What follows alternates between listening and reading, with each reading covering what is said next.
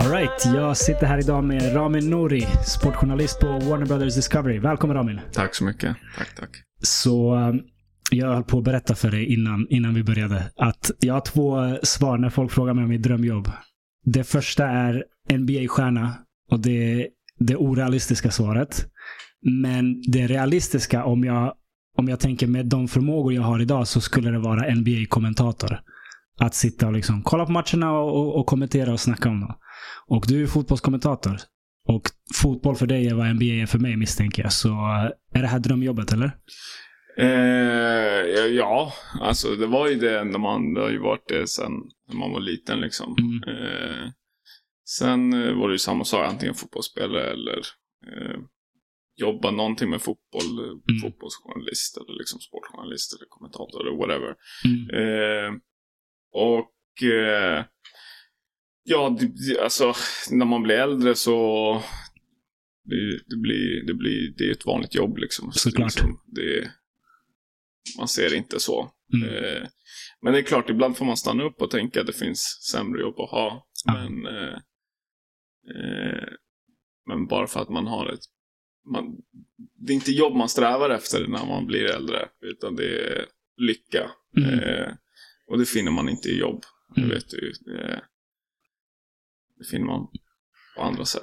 Shit, vi går djupt direkt alltså. Ja, det blev djupt fort. Shit! Här kom jag med en sån här lightweight-fråga. Jag bara tänker, ja det är kul jobb du har. Och bara, mm, men du, det är lycka, det är lycka här i livet. Du kan stänga av det. Du tog hit mig för Ja men du, du har rätt. Du har rätt. eh, Nej men lite så. Alltså, Ja. drömjobb. Eh, ja. Eh, Ja. Jag, ska, jag klipper bort allt det där emellan. Ja. Drömjobb, ja. Nej men fan vad roligt. Men, eh, men du, du är också basketsnubbe. Du har spelat basket en hel del. Ah, jag slutade typ när jag var 12-13 år kanske. 14. Jag kommer inte ihåg ens. Men, eh, men ja, jag spelade och det var ja, den roligaste perioden av mitt liv skulle jag säga. Mm. Eh, när jag både spelade basket och fotboll och det var kompisar och Mm. det var bara... Ja, man insåg inte det då. Ja. Men var lyckligt. Shit, det blev djupt igen! Det ska vara så här i två timmar nu. Jag ställer en enkel fråga, det kommer space ut. Ja, men det är bra, jag gillar det. Jag gillar det. Okej, Eh, okej, men var fotbollen eller basketen din första kärlek? Var... Det, det var fotbollen, 100%. Det är så. Eh, ja, men basketen eh, var... Eh, en den metafysisk manifestation av mitt Exakt, ja men lite så. Nej men eh, basket var roligare nästan Ja. på ett sätt. Ja. Eh, det var ändå inomhus på vintrarna. Ja. Skönt Ja, ju. Eh, bekvämare. Ja, samtidigt som det var fotboll, det var försäsong, det var bara löpa, löpa, löpa liksom. Ja. Det var inte alltid så roligt med fotboll ändå. Ja. För det var inte så mycket fotbollsspelande med, med, med laget, utan det var mest löpa i skogen liksom. Min, min storebror har Mm. spelat fotboll hela livet. Mm. Och först nyligen fick jag för mig att fråga honom vad, vad gör ni på träning? Nu, han, han är liksom, vad är han, 39. Så, så nu spelar han, eller har spelat de senaste åren i så här, ja men latchlag liksom, precis som med basketen. Och våra träningar i, i, när man spelar på mindre seriös nivå, det är att man kommer till träningen, man delar upp lag och, och, och man kör basket. Det man älskar att göra. Och jag bara för någon månad sedan fick för mig att fråga honom, men hur ser era träningar ut? Han bara, men vi brukar liksom värma upp och jogga och sådär. Och sen köra lite typ drills. Så här skottövningar och passningsövningar. Jag bara, va? Vadå, hela träningen? Han bara, ja. Han bara, spelar ni inte fotboll? Nej, men någon, några minuter på slutet kanske. Men ni är ingen coach, ni är ingen som bestämmer vad ni ska göra. Varför gör ni inte det som är det roliga? Ja, nej, men det, det är kul med drills. Då har han liksom i, i 30 år spelat fotboll och, och senaste typ 10 åren utan coach, eller liksom utan seriösare coach. Och fortsätter bara köra drills hela tiden. Jag bara, vad fan håller ni på med? Det är, eh, jag vet inte vilken nivå det är, men eh, vi, vi gjorde, jag ju, spelar ju, jag la av, eh, la av och la av, men jag spelade i Brommapojkarna när jag var yngre. Och sen Mm. så blev man för gammal för juniorlagen. Och sen så eh, var det några andra spelare som kände likadant i BP och, och Hammarby. Och vi gick ihop och blev Ja. ett lag. Och vi har hållit ihop sedan dess. Ja. Eh, och det har gått, vad är det, 12-13 år nu som jag har spelat i det här laget. Mm. Och vi, har, vi började i division 7 som alla andra, klättrade upp ganska fort och var ju duktiga spelare och unga. Mm. Sen var vi i division 5 i massa, massa, massa, massa år. Ja. Och nu drog vi oss ur för att det började, det är lite för seriöst där. Mm. Och vi är lite äldre, vi har inte den tiden. Och eh, våra träningar under alla de här åren har varit Dela upp två lag, kasta Mm. ut en boll, kör, ha kul. Okej. Sen får vi se hur det går på helgerna, men eh, ja, tänk på de här grejerna grabbar. Ja. Eh, Okej. men eh, nu senaste året, trots att vi har och, dragit oss ur femman och Mm. spelar nu sjuan, eller jag spelar inte så mycket, jag har gjort en match liksom. Mm. Jag har inte den tiden eller kroppen. Men eh, nu kör vi övningar. Ja. Och jag var, jag var skadad borta ett år, så kom jag dit och de bara, ja ah, men här har du väst och här har du koner och där har du, ställ dig där, de här Ja. vad är det som händer? Ska jag liksom vid 34 års ålder med liksom alla se, knäsenor, paj, liksom inga B, alltså. Ska jag börja lära mig zon och, ma- alltså, Aha. på nytt? Det går, vad fan händer? Om, om jag ska skada mig så ska jag skada mig medan jag spelar, inte medan jag Alltså jag kommer, jag kommer inte lära mig någonting nytt. Exakt. Det kommer inte hända. Dessutom, Det skeppet har seglat. dessutom, vi har den här killen kan inte ens göra fyra på fötterna. Vi måste prioritera den här snubbens teknik. Vi måste tänka på den här snubbens fysik. Killen kommer hit och han har 40 kilo övervikt.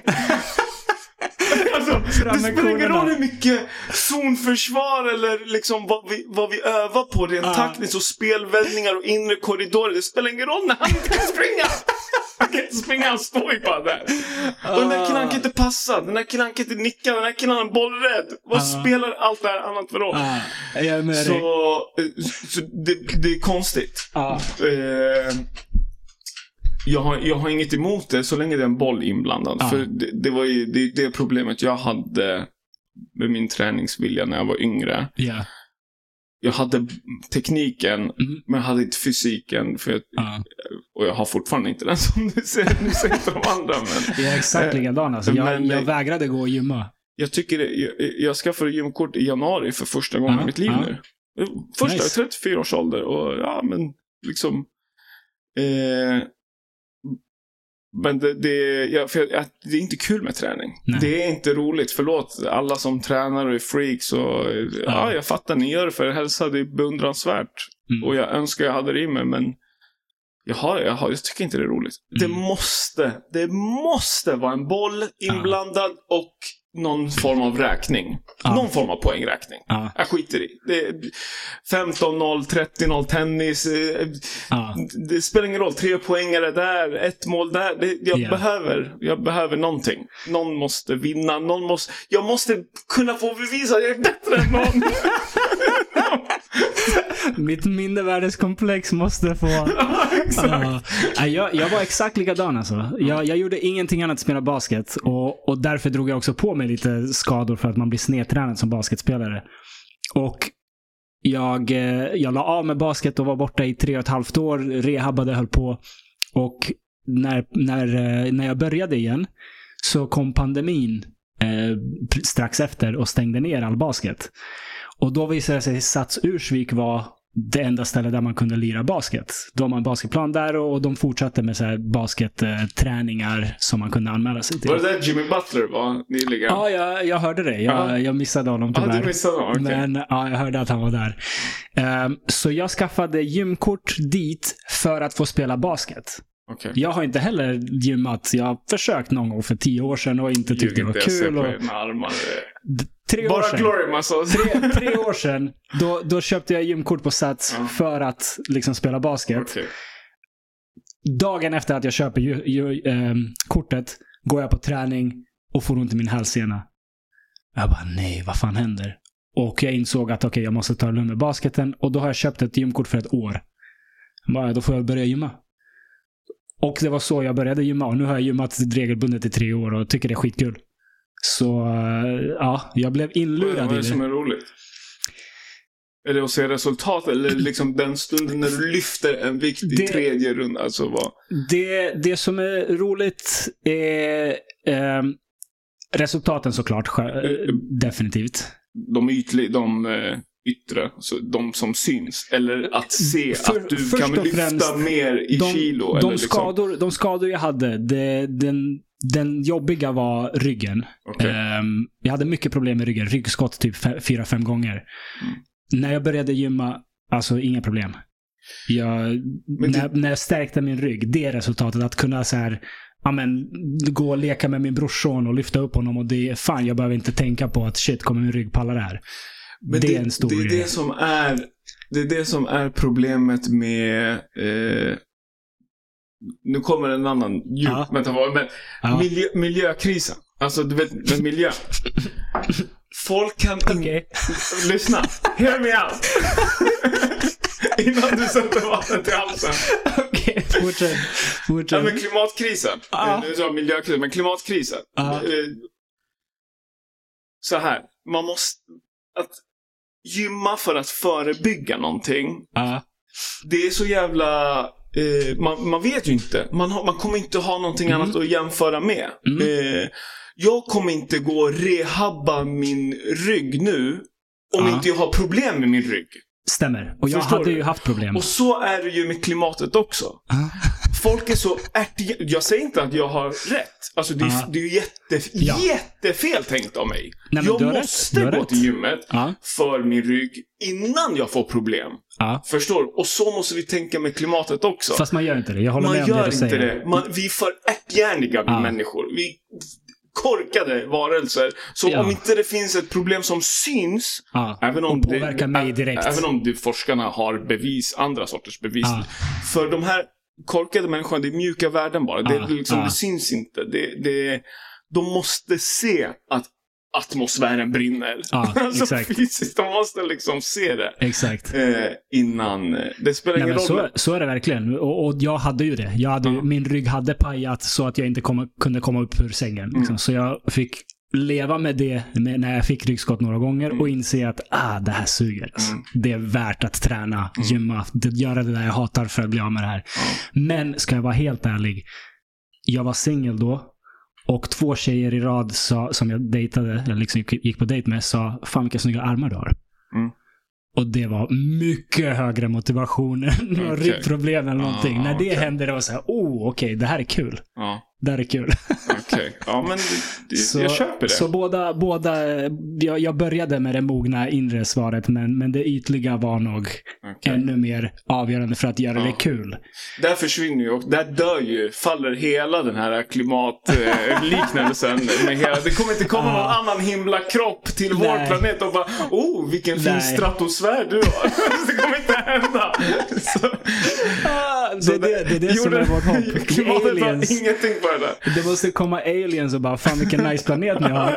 Synd om något händer med Bra den. luftfuktighet här.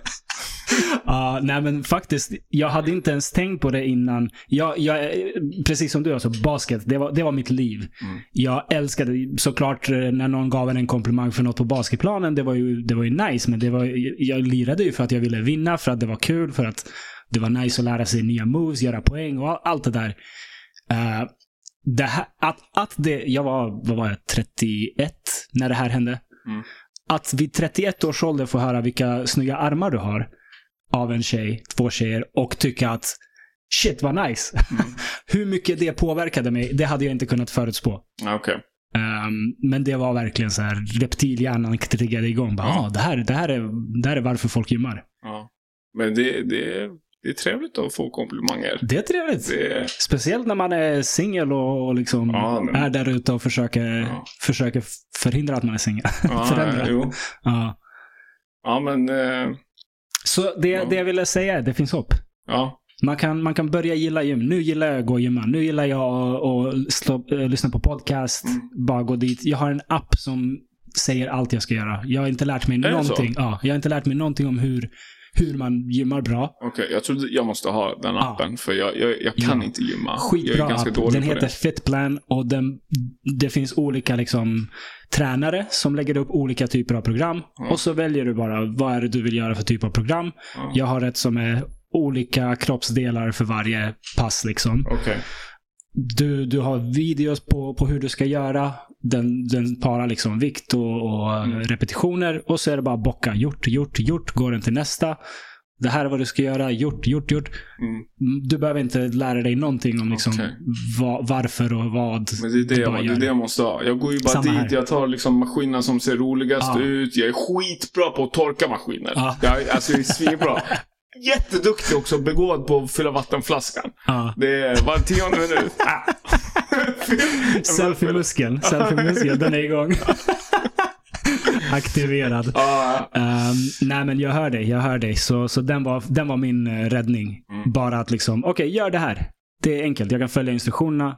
Och sen får man resultat och man bara, ah, fan vad nice, det här var, det var enkelt. Och, och lyssna på podd. Så jag, Ja.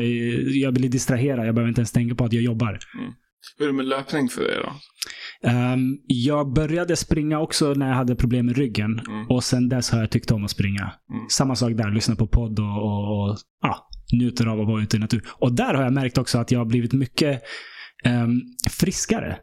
Mm. Jag brukade vara sjuk, så här små förkylningar hela tiden förut. Alltså är man medveten på, alltså har man koll på hur man hade varit annars? Alltså sjuk oftare, liksom frisk. Om man har koll på det så är det ju bra. Men Ja. det är inte alla som har det. Man tar, är man frisk tar man det för givet liksom. Så är det. Det är så som, är det. alltså, ligger man sjuk och och säger jag ska aldrig mer ta, Mm. att jag kan, att jag inte är nästäppt för givet. Mm. Och sen så dagen efter har man glömt det fullständigt. Ja, ja. Alltså, Nej men det är väldigt sant. Alltså, jag, jag spelade ju mycket basket, så jag, jag var inte otränad förut. Eh, men när jag började springa utomhus, jag tror att det gjorde en stor skillnad i, i mitt mående. Eller jag vet att det gjorde det. Jag, jag har varit mycket mindre förkyld liksom, även under vintern. Jag, jag, jag är ute och springer även när det är kallt Mm. nu för att jag har sett att det hjälper mitt immunförsvar. Mm. Um, och jag brukade ha problem med pollenallergi och det har jag inte längre. Jag tror Aha, att okej. det har med det att göra, att jag vistas ute mer. Det plus börjat så här, vara duktig med vitaminer och, och sånt också. Så jag vet inte, båda de två sakerna säkert. okej. Så löpning, absolut. Det, det är också fett bra för en. Speciellt utomhus. Ja. Ja. Känner du dig motiverad nu? Alltså, jag, eh, Mm. med, min familj, min fru och mina barn, de är bortresta nu. Mm. Och, så, det, vilket var konstigt. Eh, för jag vet inte vad jag ska göra av tid. Tid har liksom ingen betydelse längre. Ja. För det är jag som bestämmer nu eh, vad jag ska göra när jag vill göra. Mm. Eh, rätt som det satt jag en hel dag eh, häromdagen bara och hade tillbringat sex timmar i soffan. Mm. Alltså jag reste mig upp för typ första gången för att gå på och typ, du vet, höll på att svimma. Du vet när man Ja. reser sig upp för snabbt. Okej, det här går inte. jag måste göra något av mitt liv. Dags för en promenad. Eh, ja, så jag gick ut och löpte. ah, nice. Eh, jag satt på en löparskor och gick ut. Eh, och eh, det är den värsta formen Mm. av träning. Mm. Alltså, det är... Förlåt, men det... Man, det är för psykopater. Alltså, Ja. det är skrämmande att så många Ja. löper. På Stockholm Marathon. Fängsla alla dem. Spärra in dem. Spärra in dem. Det fel på de här människorna. Hur fan kan de springa Ja. 4,2 mil? Äh, det är bortom mitt förstånd. Ja. Eh, för det finns verkligen, verkligen ingenting tråkigare. Och jag får ju så ont i knäna och det är så tråkigt. Och det är... Vad är det jag jagar? Jag, det, jag måste ha liksom någonting. Måste ha en boll. Jag måste ha en boll, ett lejon, någonting. Ja. Någonting att springa ifrån eller springa till. Ja. Ja. En mållinje, ett band på Stockholms stad, det, det räcker inte för mig. Eller en tid och liksom... Eh, nej, skämt åsido. Det, det, det är ju såklart mig det är fel på. Men... Eh, och jag har, det kan också vara det att jag har gjort det så jävla mycket i min ungdom. Eh, Basketen med och fotbollen. Ja, Mm. absolut. Så Jag, hade, jag, det, jag ja. är så less på det. Jag förstår det. Jag, jag sprang eh, 10 kilometer. Det, det längsta jag hade sprungit någonsin när jag försökte ta en plats i herrlaget. För länge sedan på basketen. Och då, jag, var ju, jag hade bra kondition, men jag, jag hade inte sprungit så långa avstånd. Och så med herrlaget så skulle vi springa 10 kilometer i Ursvik. Den här skogsbanan. Eh, ja. Och jag kom typ så här eh, tre trea av alla i herrlaget. Det var liksom, jag var, jag var riktigt nöjd med det. Jag var ganska, liksom, jag hade ganska bra kondition. Um, och så skulle jag iväg på, över sommaren ner till eh, uh, Jugoslavien med familjen och vi skulle vara borta i typ två och en halv månad eller någonting hela sommaren, du vet. Och givetvis så tränar jag inte ordentligt. Jag, jag liksom tar, inte, tar inte hand om mig, käkar en massa burek och, och, och annan skit som jag blir tjock av.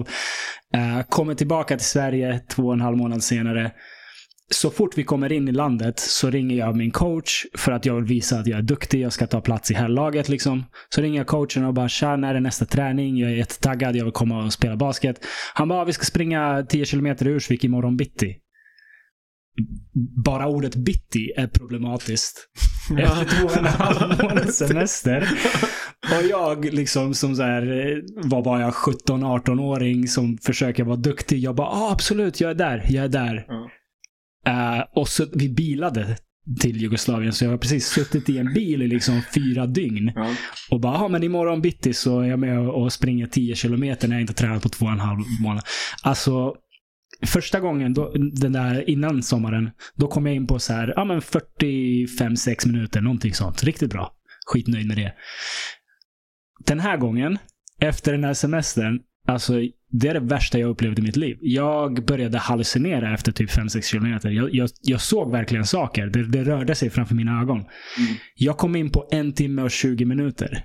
Åh jävlar vad risigt. Alltså jag Alltså, dubblade. det, det är starkt att komma. Jag, jag, att jag överlevde är jag nöjd med. Liksom. Det var, jag dubblade min tid för, från liksom, två och en halv månad sedan. Okej, ja det är Eh, ja, Det är sanslöst det var, det var ju, ja, sanslöst dåligt. Det, sensationellt. det är ju inget, jag var inte i tillstånd att springa 10 kilometer. Liksom. Jag borde ju tagit det lugnt. Sagt, ah, ledsen coach, men jag kanske borde liksom börja med 5 kilometer eller någonting. Ja. Jag, var, jag var ju helt trasig alltså. Ja. Och då sa jag till mig själv, det här är sista gången jag springer 10 kilometer. Aldrig någonsin igen. Ja. Ehm, och sen pajade min rygg och jag behövde börja jogga för att stärka ryggen. Man kunde inte bara liksom börja med basket direkt. Och då började jag digga det och sen sprang jag längre och längre och för två år sedan sprang jag maraton. Ja, du gjorde det? Ja. Så? ja. Okej. Så, så jag har blivit en av de psykopaterna som spärras in. Eh, men det kommer jag aldrig göra igen. Är? Jag, är inte, jag har inte blivit psykopat i den nivån att jag Vad- tänker nu är, nu är det här min nya grej. Aldrig igen kommer jag. Eller jag ska inte säga aldrig, men det ska mycket till för att jag springer ett När du maraton. sprang maraton, var det Ja. första gången du sprang Ja. ett maraton? Ja. Vad var, var det som du tänkte? Var det värre? Var det... Ehm, ja, men eftersom jag hade den här spärren som jag höll i länge, uh, det, det här 10 kilometer aldrig igen, så, så höll jag mig under 10 kilometer även när jag började, började springa. Liksom. Eh, men sen testade jag en dag. Det var en kompis som sa men du kan säkert springa 10 kilometer. Jag bara, "Ah, det kanske jag kan nu. Så gjorde jag det. Och så sprang jag 10 och det gick bra. Så sprang jag 15 och det gick bra. Och då tänkte jag, fuck it, jag anmäler till ett maraton. Se vad som händer. Och eh, lyckades med det. Liksom. Mm. Målet var bara att överleva, ta mig igenom. Och hur mådde du då efter? Alltså, vad, Eh, vad känner man? Det var tufft alltså. Det Mm. var tufft. Det, det som är tufft med det är att det är asfalt hela Mm. vägen. Så det sög. Alltså någonstans där efter 30-35 kilometer. Det känns som att någon tar en slägga och slår dig underifrån Mm. på foten. Liksom varje steg känns som en smäll.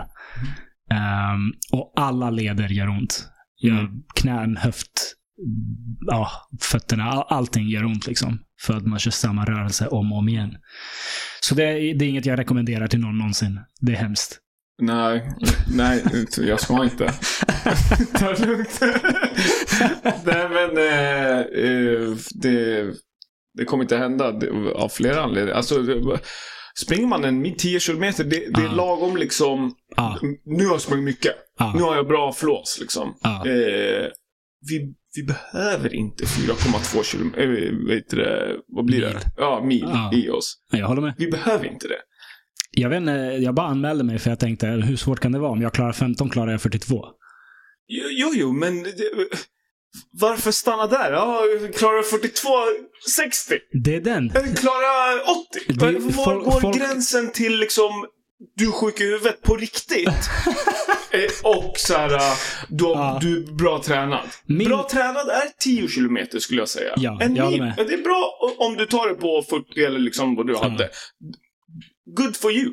Du, du, du har varvat liksom hälsospelet. Ja. 100 procent. 42 Min, min gräns gick vid 42 uppenbarligen. Ja. Jag, jag är klar. Sen dess har jag inte sprungit längre än 10 Men kilometer. vet, vet, vet folk ens varför det heter maraton? Det var ju den här snubben, Ja. greken, han krigade mot perserna och sen så skulle han springa hem eh, från det här mar- stan Maraton eller fan Ja. det nu var.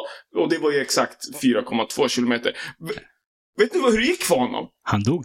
Han kom fram, han sa vi vann och så dog han! det, är en, det är en varningsklocka! 100 procent. 100 procent. Och folk bara, det här gör vi ett Folk race bara, av. "Ah, vi gör ett event av det här. Man får en t-shirt. Man får en t-shirt faktiskt. Det, det är nice. Betala oss Det är nice. och gå igenom vad den här snubben gick igenom. Ja, det är sjukt. Det är helt sjukt. sinnessjukt ju. Alltså, du har ju, det låter vilket koncept. Alltså folk gör ju knäppa grejer.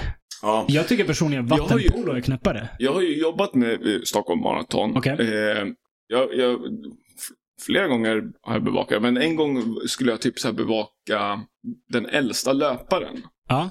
som skulle springa något år. Ja. eh, när jag jobbade på SVT. Eh, Ja. Och han var... Jag kommer inte ihåg exakt hur många år han var, men han var väldigt gammal. Mm. Alltså en bra bit över liksom, pensionsåldern. Liksom. Ja. Och vi liksom följde honom under loppet och jag minns att det spöregnade då. Mm. Det var typ en kanske åtta år sedan eller något. Spöregnade. Och vi var helt blöta, jag och min fotograf. Och fotografen lämnade stativet och tappade bort den för övrigt för 80 000. Aj då. Eh, Så ja, han mådde inte så jättebra den dagen. Då. Eh, men, jag blev så jävla imponerad då. Ja. Att han orkade. Ja. Eh, men jag tänkte så här. Varför gör han det? Eh, Alltså var...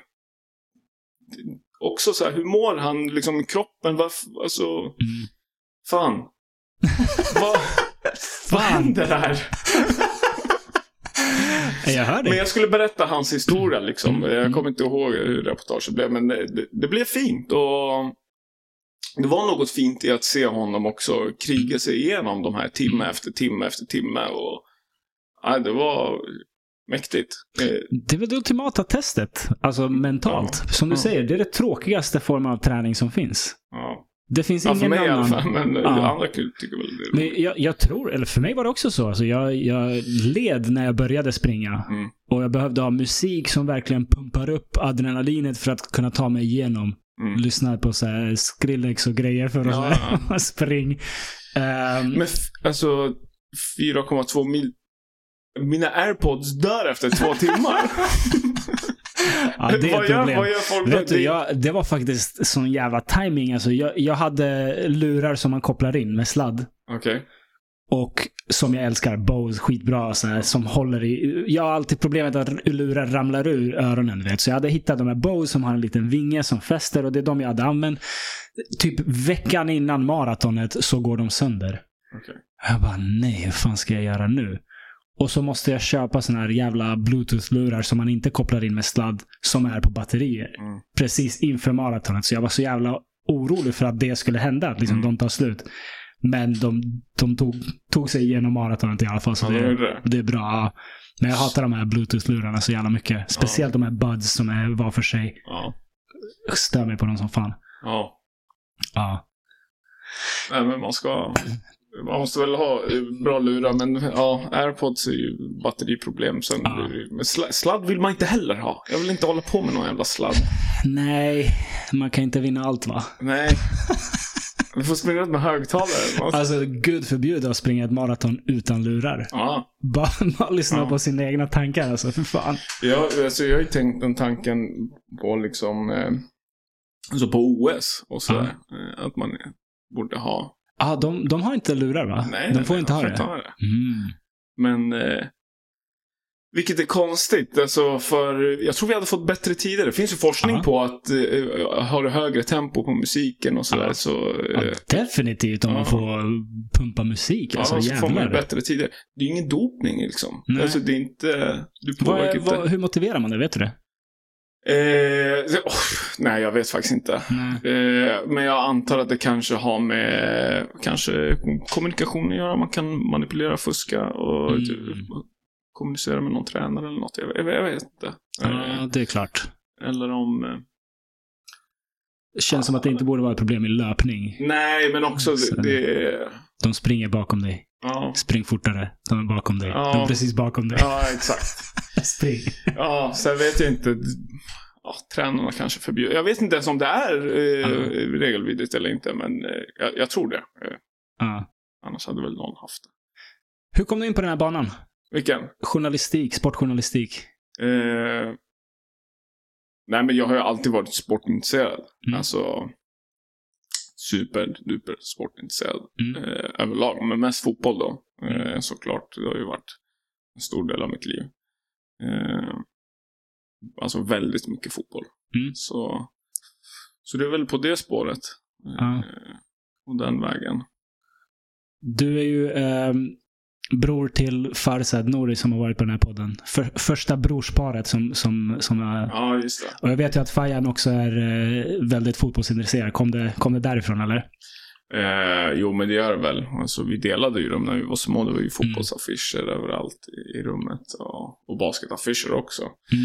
Så ja, och då var det ju ständig tävling mellan Ja. oss. Eh, Ja. Inte för att jag Hur hade... många år är det mellan er? Eh, ja, sju, år, sju år, men han är ju decemberbarn, jag är januaribarn, så lite drygt sex år egentligen. väldigt Eh, viktigt hör jag. Det här... Eh, vad sa- Det- det här har varit ja, men viktigt. det, Sju år låter väl mer än vad det är, för det är ju liksom Ja. närmare sex. Men Ja. sex år är jättemycket Oh ja.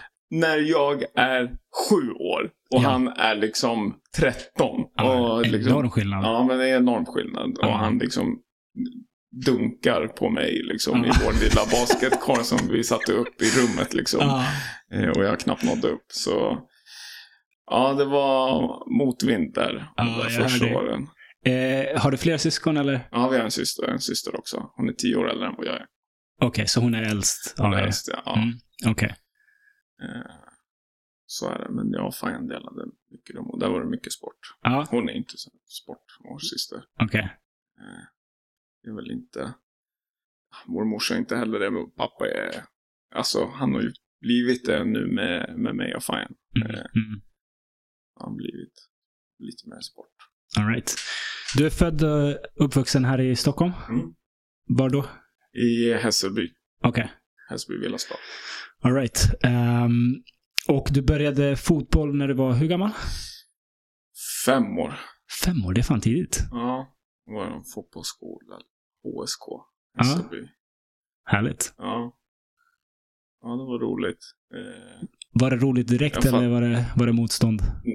nej, alltså, jo, uh, Farsad var min första, min brorsa var min första tränare då. Mm. När jag var fem år. Och Han var så här uh, pojk, eh, ja, hade hand om laget liksom. Ja. Eh, en fotbollscup. Och jag kommer ihåg, vi var första turneringen vi spelade. Eh, gick vi till final. Jag, de, jag brann ju för fotbollen. Och Ja. jag var duktig också. Och de andra var inte lika Mm. bra. Mm. Eh, jag gjorde så här 13 mål i den här första turneringen då. Jävlar. Eh, Ja, men jag vet inte. Det, vissa matcher var ju så här 7-0. Och det, många barn lekte i sanden. Liksom, målvakterna stod inte ens redo. De stod och kissade liksom, i någon buske. Det var på den nivån. Det var barn liksom, Men du var 5-6 år. in. Ja, men jag, jag tog det här på blodigt allvar liksom. Så Ja. kom ju hela, vi kom hela vägen till final, minns jag. Eh, ett av mina tidigare minnen i livet. Och, och då torskade vi den här finalen på grund av liksom att ja, men vår målvakt försökte göra en sandpyramid liksom, i grus, i gruset eller något. Eh, för det var ju grusplaner då.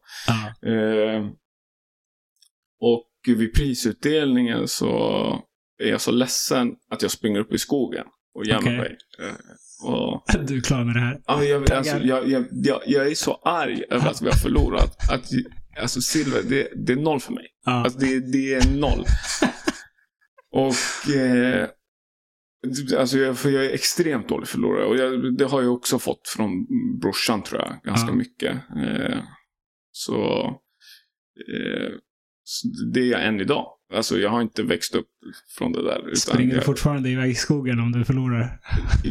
Ja, ja. Det, var, det höll ju på så. Jag sparkade bort bollar. Jag Ja. Förstörde för andra bara. Ja. Alltså, det, det, det är det värsta som finns. Ja. Efter att löpträna. Nej men... Tänk, eh, tänk att komma två i maraton. ja, men det kanske är därför jag inte tycker det är kul, för jag är dålig på det. För jag inte har någon chans att vinna. Jag är bara... Ja, intressant. Alltså nu när du säger det. För jag gillar ju saker där jag har chans att vinna. Ja. Ja. Jag kommer inte vinna På på ett gym eller Ja. på någon löptävling, Ja. maraton eller liksom. Eh, för det, ja, nej. Så Ja. om inte jag har chans att, nej men precis. Jag tror det är det, där min morot ligger. Om inte det finns någonting att vinna, jag är inte intresserad. Kör en maratontävling där det är jämnbördiga fysiskt med mig. Mm. Eh, kanske folk jag känner, kanske vänner Mm. liksom. Nu fantiserar jag bara, jag tänker bara högt. Mm. Jag tror jag hade tyckt det var skitkul. Ja. Jag tror jag hade gått in för det. Jag Mm. hade, jag hade, jag hade sprungit livet ur mig. Som den här maratonsnubben, riktiga original. När det här avsnittet släpps kommer du få en Ja, WhatsApp-gruppinbjudan. ja, men vet du, hämta, hämta dem! Ni hörde det, ni hörde det, ni vet vilka ni är. Det var skapa gruppen. Men, eh, men jag tror faktiskt inte ens jag har någon chans bland mina vänner. Jag vet Micke, eh, har jag träffat, han, han springer ju ganska mycket. Han, har Ja, han sprang han Stockholm, också maraton, Ja, han sprang maraton, Stockholm Marathon nu. Och, eh, så han tillhör ju den där gruppen. men, eh, han, han blir blockad. ja, Han exakt. får Nej, men han är riktigt bra flås nu. Ja. Men det ska sägas att eh, jag hade jättebra kondition när jag var yngre. Mm. Nu återkommer vi till det här, kanske jättetråkigt för lyssnarna. Men eh, jag hade bra flås när jag var yngre. Ja. Eh, jag tappade fort idag. ja, Men det kommer tillbaka det fort. kommer tillbaka fort. Mm. Det är helt otroligt. Grund- det är helt grundkonditionen. sjukt. Ja, men Mm. det är verkligen en grej. Ja. Alltså, Verkligen. hur fan kan det vara en grej? Hur fan fungerar våra kroppar? Det är helt sjukt. Det är som att de har någon muskelminne eller... Alltså, ja, ja, hur kan konditionen vara någon form av minne? Men det är väl typ medans kroppen utvecklas när man växer. Om Mm. man tränar då så tränas alla ens celler på hur mycket syreupptagning de Just det. behöver och alltså. Så, det. så, så kroppen liksom skapas för en viss nivå av träning. Ja. Så jag antar att sen har man det där För i sig. det, det är verkligen kusligt. Ibland kan Ja. jag liksom springa till, eh, ja inte bussen, men springa efter mina barn eller något. Och sen Ja. så är jag helt slut. Och jag är så här, hur? ja, Jag är ändå hyfsat ung och liksom, eh, det är inte så att jag är överviktig på något sätt. Mm. Fuck jag har så dålig flås. Går ut, springer två, tre gånger. Bam. tillbaka. Ja. Ja, otroligt. det, är- det är magi. Kroppen är fantastisk. är- Ja. Men, eh, eh, ja, men tävling. Tävling. Ja, Är det that's för att shit. du... Jag, jag, och grejen är, just det. Mm. Tävling är inte bara... Jag behöver det. Jag har ju pratat om det här också tidigare med mina Mm. kompisar. Jag Mm. tror typ med Assim eller någon. Eh, nyligen. Att eh, jag behöver det för att ventilera. Alltså jag behöver träning mentalt. Eller Mm. jag behöver tävling mentalt. Ja. Alltså för, för min mentala hälsa. Mm. Så måste jag få tävla av mig. Mm. Eh, Måste du tävla av dig eller måste du vinna av dig? nej, jag måste... Ja, intressant. Jag vet inte, för jag vinner alltid. Wow! Nej, men eh, jag, jag, måste, jag tror jag måste tävla av mig. Ja, Jag ja. måste få, och liksom det måste vara, alltså, quiz. Jag Ja. älskar quiz, frågesporter. För där är jag också stark. Jag, jag vet mina, eh, jag vill göra så, sånt jag är bra på. Ja, ja. Eh, ja, men jag tror det är fan vinna av mig. Jag måste vinna av mig. Vad? Är det något fel med det? Det är inget fel med det. det, Nej, det men... Eh, Man ska veta vad man har sina driv liksom. ja, Men det, det, det vore ju intressant att göra det. Tävla i grejer i en månad, men bara förlora. Skulle du må bättre än om du inte fick tävla? Eller skulle du må botten bara? alltså, men faktiskt så har jag ändå blivit lite bättre på att ta Ja. förluster och hantera förluster. Eh, Sen du var fem. ja, exakt. Det är bra. Skö- Skönt att höra. 30, det tog 30 år. Nej men eh, vi, vi spelar ju padel lite. Ja. Jag, eh, Assim, Amir, Gabbe ibland så här. Ja. Eh, och det är klart, jag vinner inte alltid och inte Ja. basket heller när vi spelar och så. eh, Väldigt sällan. Men eh, det, det tar inte lika, lika hårt. Eh, men eh, jag, för det är lite mer, där kan jag ta det. Alltså, Mm. det är jämnt. Eh, Mm. Har jag varit så här, har jag varit sämre, Mm. har mitt lag varit sämre eller har jag varit sämre och jag förlorar, då är det helt okej. Mm. Men om det är en match eller tävling eller duell eller kamp som jag vet att jag ska vinna, Mm. det är då det, är då det brister. Mm. Alltså, det, Joshi, det, alltså jag, kan, jag går över gränser. Det, det brister. Det, Du, menar du att liksom, du borde ha vunnit det här men du själv presterade inte tillräckligt bra?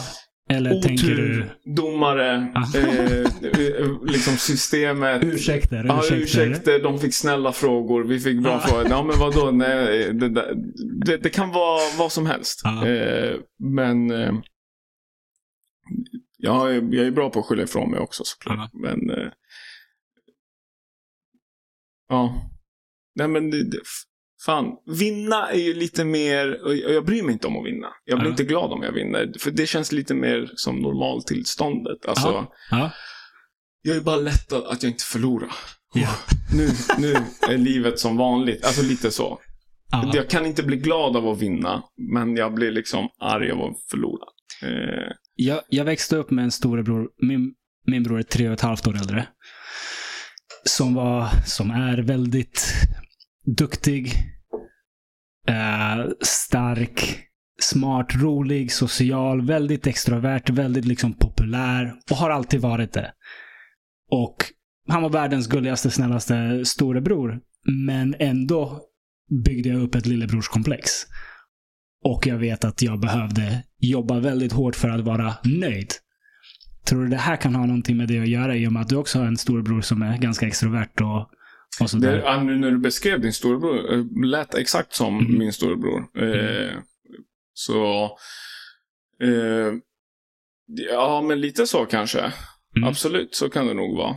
Eh, sen... Eh, eh, jo, men... Det, Nu är, det, nu är det jag som blev djup här. Ja, exakt. Nej, men, för jag, nej, men jag tror du är inne på någonting där. Ja, att eh, det absolut kan vara så. Man mäter ju sig med sin storebror såklart. Eh, ja, eh, ja, jag gör inte det längre. Alltså, eller längre. Vi gör ju det när vi tävlar bara. Mm, Alltså när man mm. var yngre och, och sådär. Men, eh, det, det, sen har det inte... Det slutar ju sällan bra om jag och han tävlar mot varandra.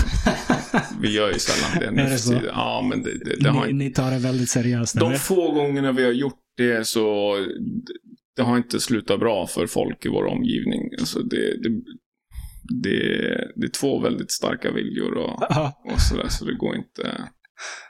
Nej, det blir det är inte roligt för någon. nej. Ehm, så det, vi gör inte det, vi undviker det i, så gott det går. Ja. Men eh, så i övrigt, nej, men alltså jag jämför mig inte längre, alltså man jämför inte Nej. med sin bror så. Alltså, Men under uppväxten kanske? Ja, men bara när vi tävlar. Alltså, det var väl andra som kanske jämförde oss. Eller, alltså, jag var väl mest bara lillfarsad i Mm. väldigt, väldigt många år. Mm. Eh, så... Och det, det var ju komplimang för mig. Fan, jag såg upp till, alltså, jag såg upp till min storebror. Det var ju Mm. största kvittot att bli kallad lillfarsad liksom. Mm. Mm. Eh, så det var, ju, det var ju bara kul. Mm. Eh, så nej, jag har aldrig... Och jag, nej, jag, jag har inte jämfört så. Men förutom när man tävlar såklart. För det är ju det, är det man gör när man tävlar. Man jämför vem är bäst. Eh, och, eh, men det har varit kul alltså, och givande. Eh, och jag tror det har format mig ganska mycket. Mm. Eh, de här tävlingarna. Så, så tror jag. Så jag tävlingsinstinkten är en separat grej. Du tror inte att det kommer från att ha haft en storebror liksom, som, som varit duktig? Eh, ja, och jo, men det, så, så måste det vara. att vi, Tävlingsinstinkten kommer ju från att ha tävlat i, Mm. i väldigt ung ålder. Mm. Eh, så, så redan då, det finns ju liksom...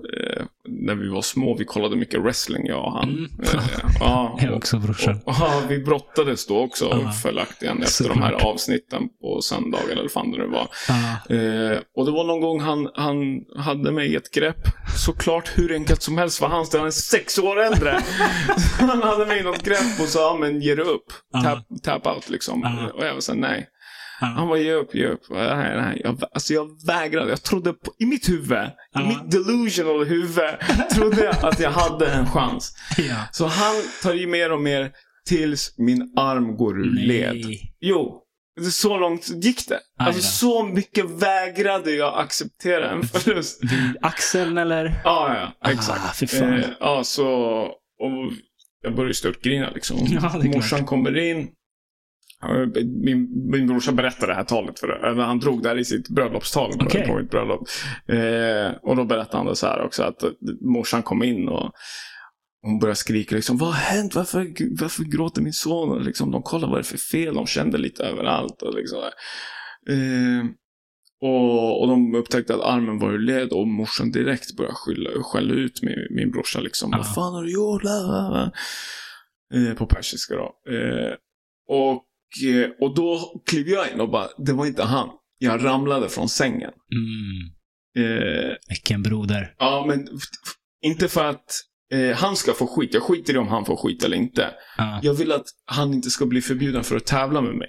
Ah. Jag vill att han ska liksom fortsätta tävla med mig. Ja, ja. För, eh, för jag tycker ändå det är kul. Om- Du, du vill ha din pay- payback. jag måste ha min payback. Så roligt. Nej men, eh, ja. Hur gick det? Behövde du liksom in till sjukhuset? Ja, eller? ja, alltså min arm gick ur led och sen så gjorde den det ganska många gånger därefter. Och Ja, hade gjort det så. innan också. Den, den gick ur led ganska lätt när jag Ja. var yngre. Eh, men eh, ja, sen slutade det helt plötsligt. Är det så? Du har inte haft några problem med det i vuxen ålder? Ja, typ 12 års ålder. Okej. Ja, m- min arm hoppade ur led när jag var 27 kanske första gången. 26. Och sen dess har den hoppat ur typ 7-8 gånger. Ja, men det, alltså Så- gör den det en gång så... Ja, Det, det blir aldrig bra igen. Det blir aldrig bra igen. Det, det kan bli bättre men inte som det var liksom. Ja. Ja, jag Speciellt i vuxen ålder. Men det är ju nice om man gör det ungt nog för att den ska bli bra liksom. Ja. Men jag tror det var, min, min morsa var typ först med att dra min arm ur led. Det var någon gång jag skulle Ah, byta nej. blöja hon drog mig. Alltså, när jag ville bara krypa iväg och sen så, Ja. shit, hon fattade ingenting. Eh, men, Aj, aj, aj. Eh, ja, Shit. var- Familjetrauman till höger och Ja, vänster. ja, ja, ja. Alla drar din arm ur led. Ja, när jag hör det. Jag har aldrig tänkt på det, men fucked up alltså. Vad fan gjorde de? Vad är det för jävla sätt? Att inte, att inte någon ringde SOS på dem där. Det är bra. Nu, nu är du Klippkort på sjukhuset. 34 år, nu får du prata. Exakt. Aldrig tänkt på det så. Fan vad roligt. Ja. Ja, skönt att du återhämtade dig fall. Från det här hemska familjen. Uh, jag dör. Ja, men det är sånt som händer. det är Ja, sånt som händer. antar Man- det.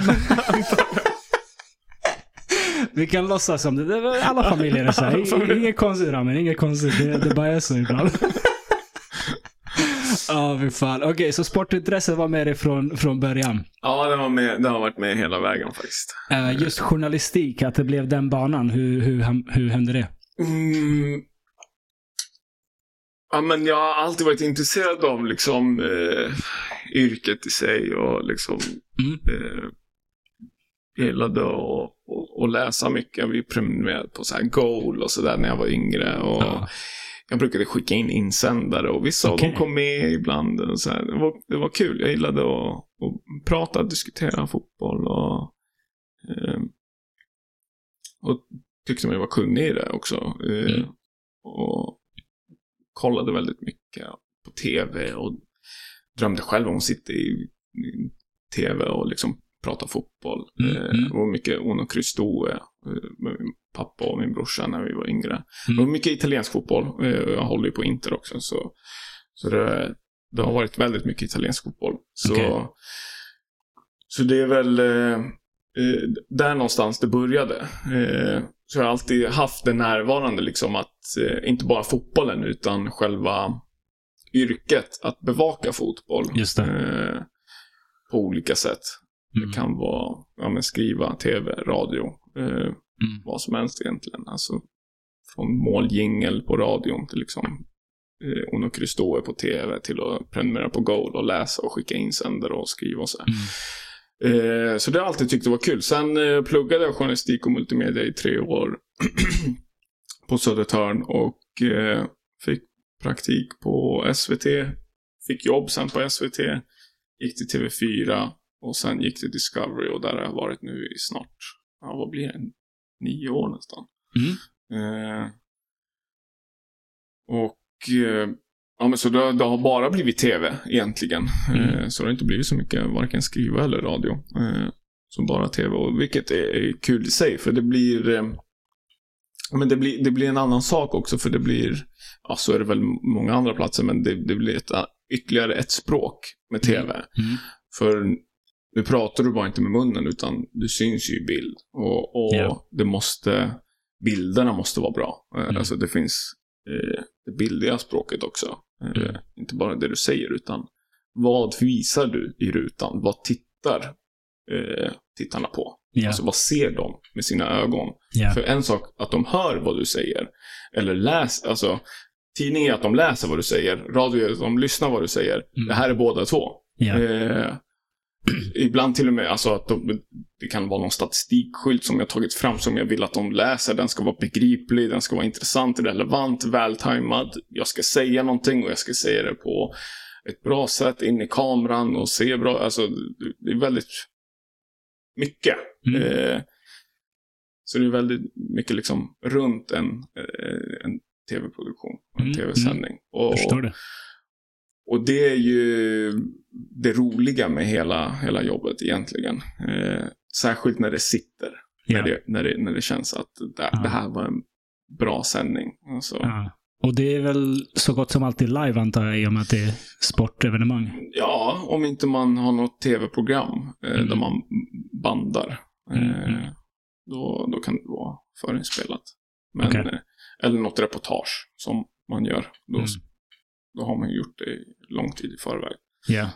Eh, så ibland vissa rapporter är ju fake live som vi kallar det. Om man är Mm. reporter på en match. Då, och man säger ja, ah, jag står här nere vid sidlinjen, bla bla. Och sådana kan ju vara fake också. Eh, av logistiska skäl. Eh, Mm, såklart. Men, eh, ja. Så det är inte alltid det är live, live, live. Men Mm, mm. Ja. Okej.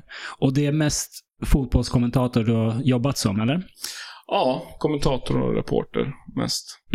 Fotboll bara, eller olika sporter? Eh, nej, och flera olika sporter. På, på SVT var ju, då var man ju nyhetsreporter. Okej. Eh, Inom idrott, eller? ja, alltså på Mm. SVT Sport då. Eh, så då jobbade man ju mot deras eh, nyhetssändningar, eh, Sportnytt och Sportspegeln och sådär. Mm, mm. En fotbollskväll eller vad det nu kunde vara. Eh, nu är det inte en nyhetssändning, men då kunde det vara i Sportnytt och sådär att man jagar nyheter. Eh, vilket var jättegivande. Eh, Mm. För man jobbade upp en nyhetsnäsa. Vad är intressant? Vad är, vad Okej. är en nyhet? Eh, och då kunde man liksom jaga det själv. Och det var så intressant att se liksom att det börjar från en tanke. Man sitter och bollar med någon redaktör.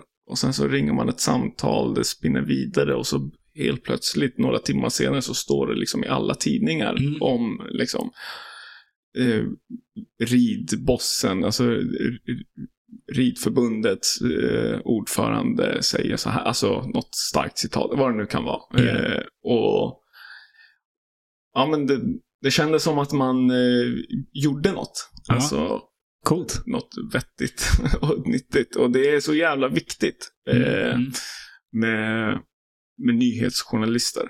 Eh, Mm. så, så, sånt, eh, den journalistiken är väldigt, väldigt, väldigt viktig. Mm. Och eh, särskilt om det görs korrekt. För Ja. det folk, det, det har vi ju tappat ganska mycket. Om vi ska prata lite journalistik så, mm. så går vi ju mot, eh, ja, en mörk eh, Mm. väg här. Eh, som, eh, som inte är så bra. Eh, med missinformation, desinformation och liksom Mm. mycket Twitter. Folk läser inte riktiga, riktiga nyheter längre. Mm. Eh, Vad tror du det här beror på? Den här utvecklingen? folk vill ha någonting snabbt bara, lättsmält. Mm. Eh, folk... Eh, jag vet inte. Folk är för distraherade bara. Mm.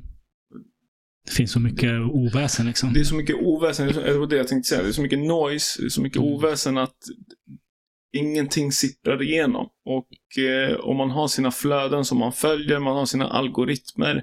Det är bara det som kommer igenom eh, Mm.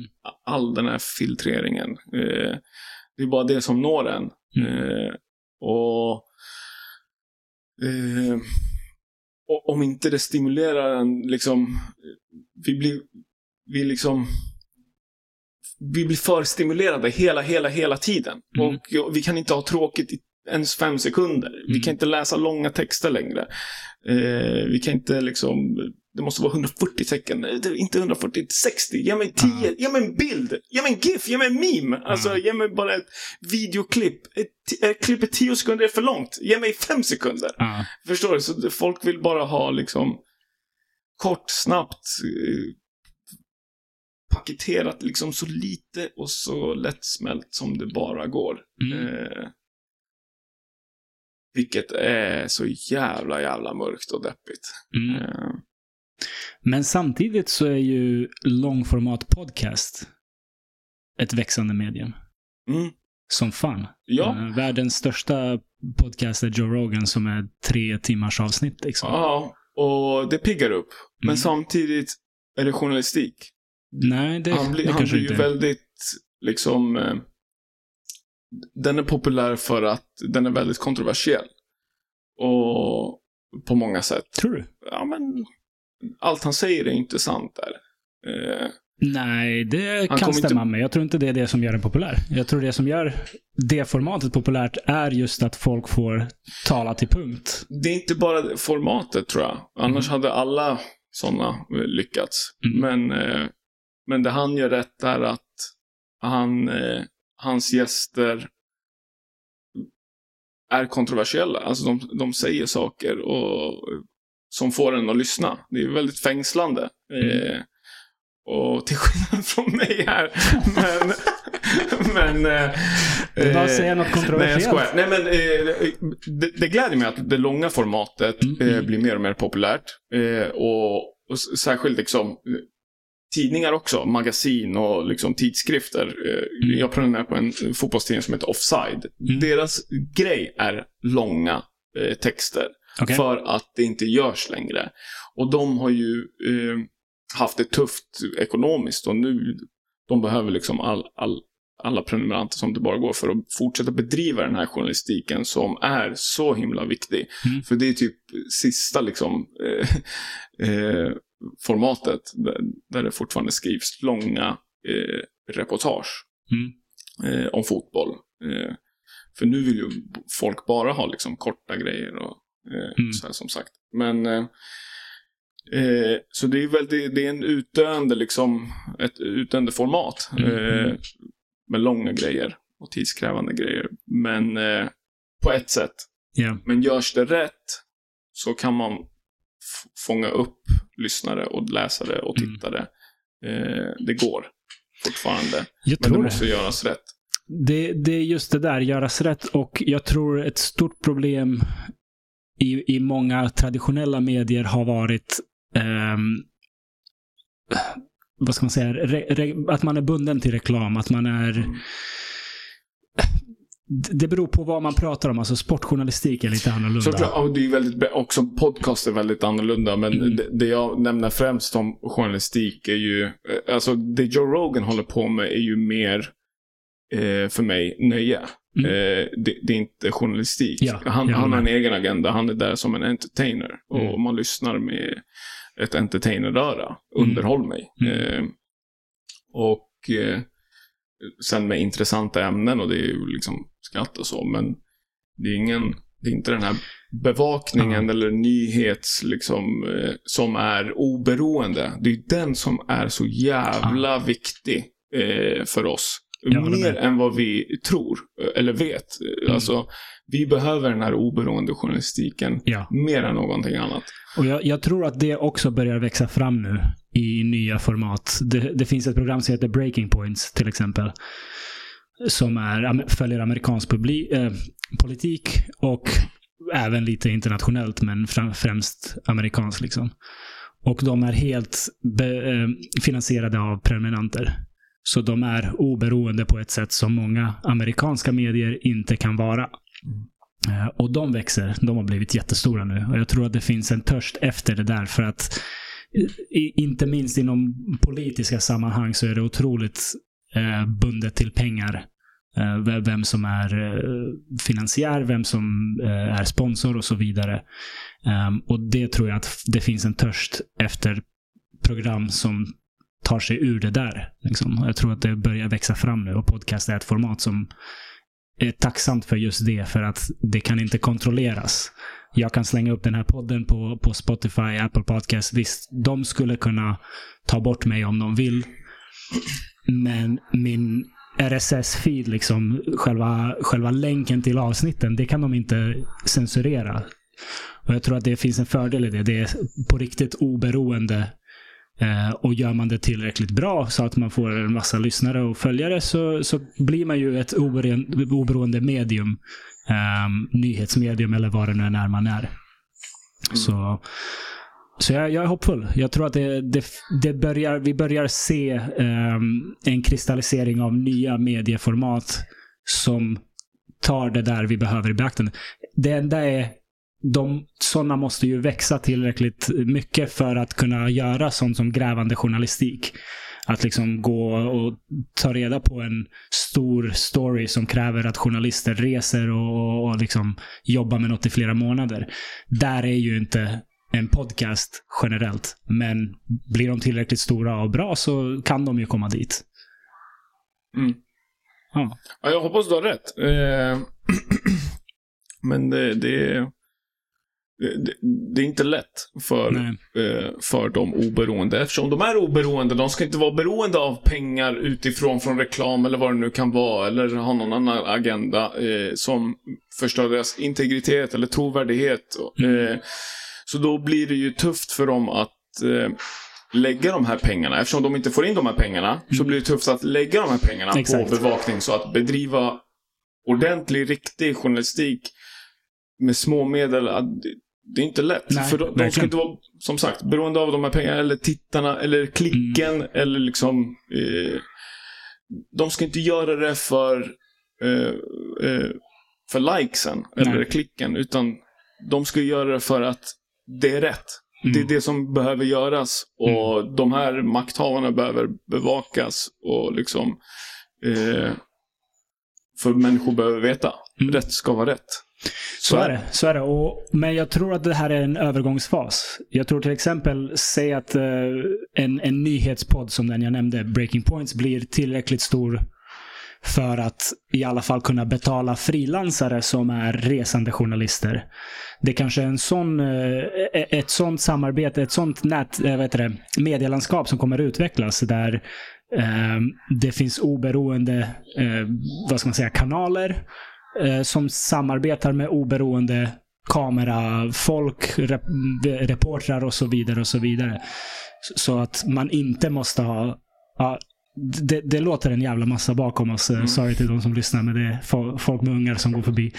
Ehm, så att oberoende människor kan jobba med andra oberoende människor. Ehm, och inte måste ha ett stort nätverk bakom sig för att liksom försörja allt. Eh, reportern, kameramannen och så vidare. och så vidare.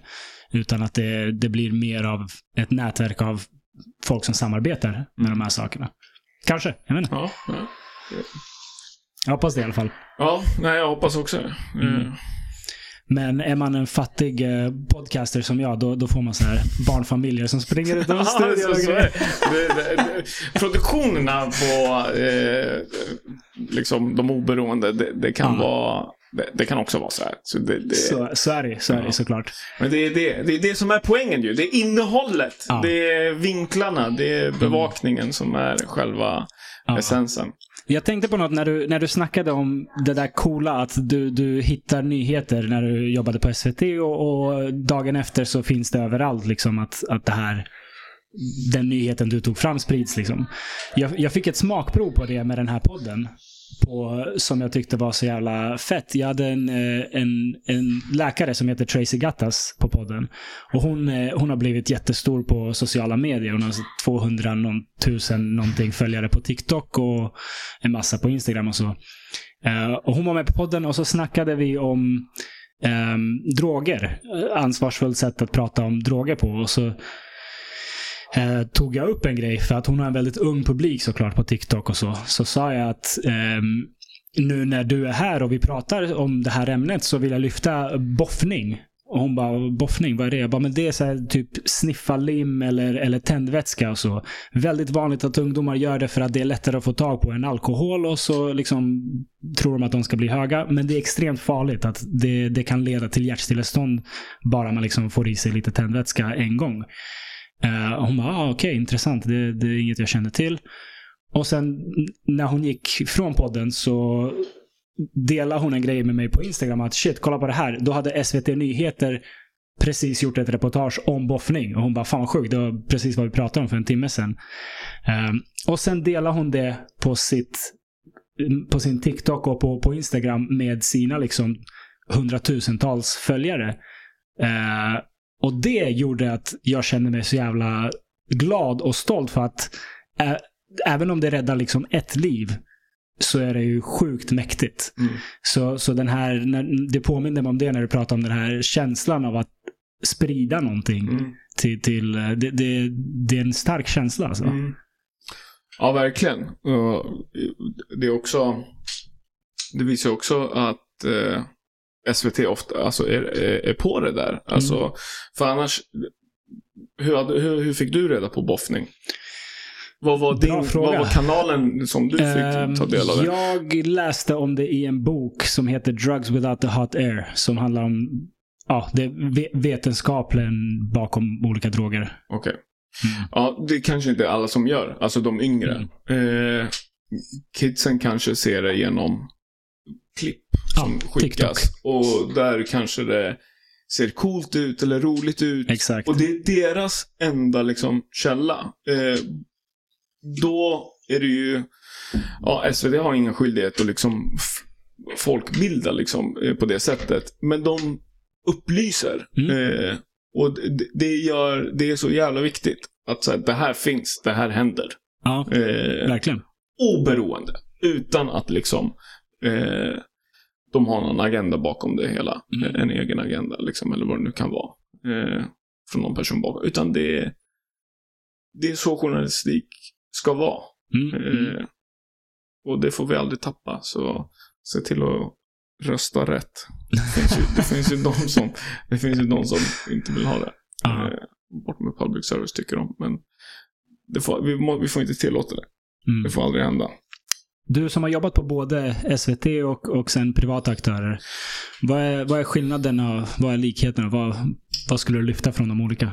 Det är klart. Eh, SVT, det är väldigt mycket eh, för och nackdelar. Men så är det ju med på alla arbetsplatser Såklart. egentligen. Mm. Eh, men eh, det som var kul och givande där var att det var, man, man fick verkligen jobba med nyheter och jobba upp en nyhetsnäsa liksom och se mm. hur den och de, de hade liksom både där och TV4 så de hade ju gjort sport så väldigt, väldigt, väldigt länge.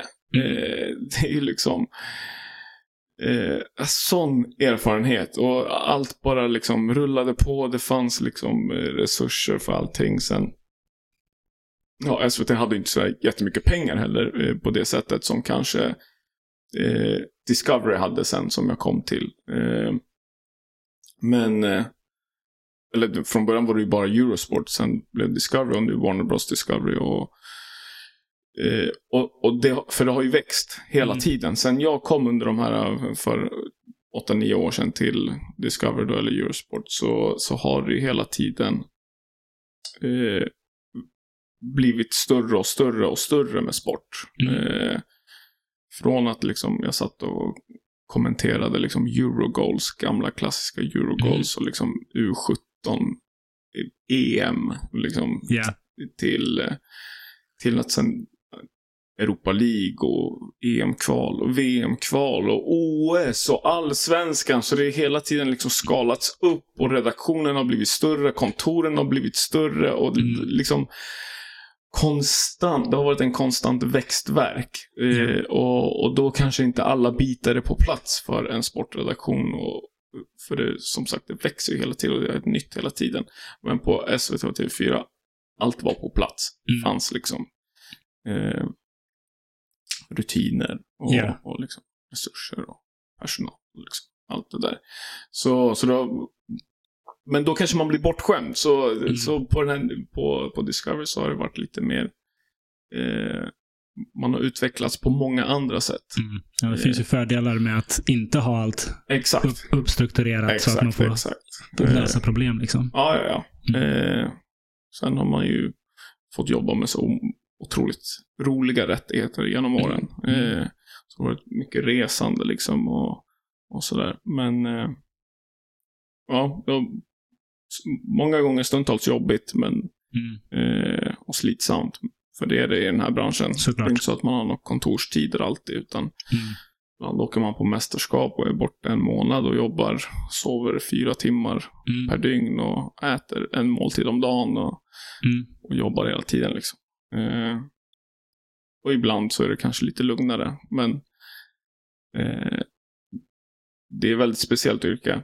Mm. Eh, men det har sina stunder såklart.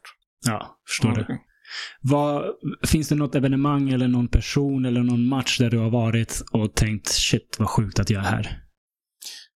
Mm. Eller att jag pratar med den här personen eller?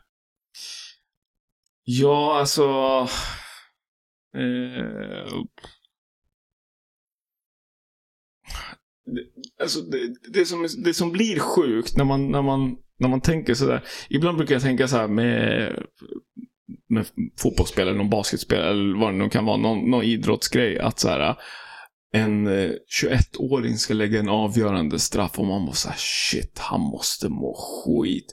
Men grejen är, de har ju successivt Mm. tränats till det här. Ja. Från det att han slog avgörande straffar inför 50 föräldrar när han var åtta. Sen Mm. gjorde han det i någon större turnering när han var 12. Sen Ah. ungdomsturneringen där när han var 16, 17. Så han har ju liksom... Det har ju skalats upp hela tiden. I- Det, det gick inte från noll till avgörande Ex, det straffen. inte- exakt, det är inte så att de har gått utanför arenan, plockat någon random människa och bara här ska du lägga en straff. Ja. Utan, sen det är klart, jag säger inte att de inte blir nervösa och sådär. Utan, men i deras huvuden så är de där, de vet varför de är där. Mm. Och trots att jag vet det så är, det liknande princip med mig. Mm. Mm. Men ändå kan jag tänka så om de här spelarna, shit vad sjukt att han ska lägga en straff. Mm. Eh, men ungefär så eh, eh, känner jag då när, om jag är på någon plats, Ja. på en väldigt stor scen och, och liksom ska göra något live, liksom vad som helst, någon intervju. Ja. Jag tänker inte, fan vad sjukt att jag är här, utan jag har ju successivt liksom, det Mm. kom inte över en dag. Det utan började med att springa ut i skogen. det började redan då faktiskt. Men nu hör jag hemma på det här OS. Ja, ja, ja, men eh, lite så. Ja. Eh, så det har ju alltid funnits i huvudet. Men, eh, ja, men någon gång som var lite otippad var väl liksom så här när man var ny. Eh, det var typ min första månad på SVT. Eh, Mm. och jag vet inte ens om jag var praktikant då, men då skulle Brasiliens landslag komma till Sverige. De skulle Mm. spela någon träningsmatch eller vad det nu var. Och de skulle träna på gamla Söderstadion och jag skickades dit för att göra någon eh, intervju med Neymar. Eh, helt sjukt. Och jag kommer jag kommer inte ihåg om vi fick Ja, men vi fick Neymar och så fick vi Dani Alves också. Det var Okej. helt sjukt. Men, Ja. och då var jag så här, vad, gör jag här? Ja. Eh, jag satt ju liksom bakom skolbänkar för några månader sedan, men eh, ja, då var det konstigt. Men sen dess har det ju liksom in, har inte känt, jag har inte känt den känslan eh, lika ofta. Nej, jag förstår. Du nämnde att du har varit på OS. Ja, Vilket? Eh, jag var i Pyeongchang Eh, och sen var jag i eh, Tokyo. Okej. Eh, Pyeongchang, alltså Ja. i Nordkorea? I Nej. Sydkorea. Sydkorea? Okej, Ja. okej, okej. Inte Vänta, Pyongyang. Pyongyang tänkte Ja. jag på. Ja, jag bara jävlar, Ja. det här missar jag. Ja, men det var, det var rätt nära. Alltså, Ja. Så, så vi gjorde ju reportage där vi eh, eh, åkte till gränsen. Mm. Inte jag, men eh, mina kollegor eh, åkte till gränsen till liksom, det här rummet, du vet, där, de, där det går ett streck genom Ja. rummet. Eh, för att berätta den historien. Och, och också så här, nu är inte någon oberoende kanal, men, eh, för det är ju amerikanskt ägd, men vi berättade den historien Mm, mm. och drog den bakgrunden. För att vi måste, vi måste, det, det, det, det är vår skyldighet. Ska vi åka dit och inte Mm. berätta den här historien och belysa the elephant in the room, det går ju inte. Eh, för det, det, det får man vara redo att göra. Det kanske inte är det roligaste jobbet för sportjournalister, men eh, det är ett viktigt jobb att göra. Mm, mm, verkligen. Alltså, så det får man vara med och räkna med. Och Det, det handlar inte bara om fotbolls, fotboll i fotbolls-VM i Qatar, Mm. utan det är mycket som ska berättas i så fall. Ja. Eh, Hur, hur var det att jobba där i Japan och Korea? eh, väldigt mycket jobb, framför allt. Mm. Eh, väldigt mycket jobb. Eh, sen Pyeongchang var ju eh, vinter-OS, Tokyo var sommar-OS. Mm. Eh, och Tokyo var ju under coronan där. Just det, Ja, ja. så det var ganska... Det var mycket, mycket snack om folk var arga för att man hade det. Ja, Ska vi verkligen ha det eller de inte? hade ganska eh, brutalt där. Sen, och, Det måste ha varit riktigt udda att Ja. jobba under det. sen året efter var ju Peking. Jag var, jag var inte särskilt sugen på att åka på det, så jag jobbade hemifrån. Eh, eller alltså Mm. från Stockholm då, som redaktör för nyhetsdesken, vad vi ska kalla det. Ja. Eh, så jag har jobbat eh, med de OSen för, för den här kanalen. Sen har jag jobbat för OS också för, på SVT tidigare, men då var det också från Stockholm. Eh, men de två på plats då, det var ju väldigt, eh, ja men som sagt, Tokyo var ju covid och ansiktsmask, sommar-OS, Mm. 40 grader, eh, luftfuktigheten och med mask i ansiktet. Ja, det var inte så kul. Och jag var ju tvungen att gå runt där med kostym och slips. Alltså, det var, nej det var, eh, man var ju helt uttorkad liksom. Ja. Eh, och eh, jag körde ju, då, då körde jag handboll. Eh, Jag gjorde bara handboll då. Mm. Vilket är en sport som, som jag har gjort en del faktiskt. Vi har haft handbollsrättigheter också. Vi hade handbolls-VM i Qatar bland annat. Så Mm. jag har varit där och bevakat handbollslandslag. Så, eh, väldigt rolig rättighet. Mm. Jag älskar handboll. eh, Alltså, som en, en rättighet att jobba med.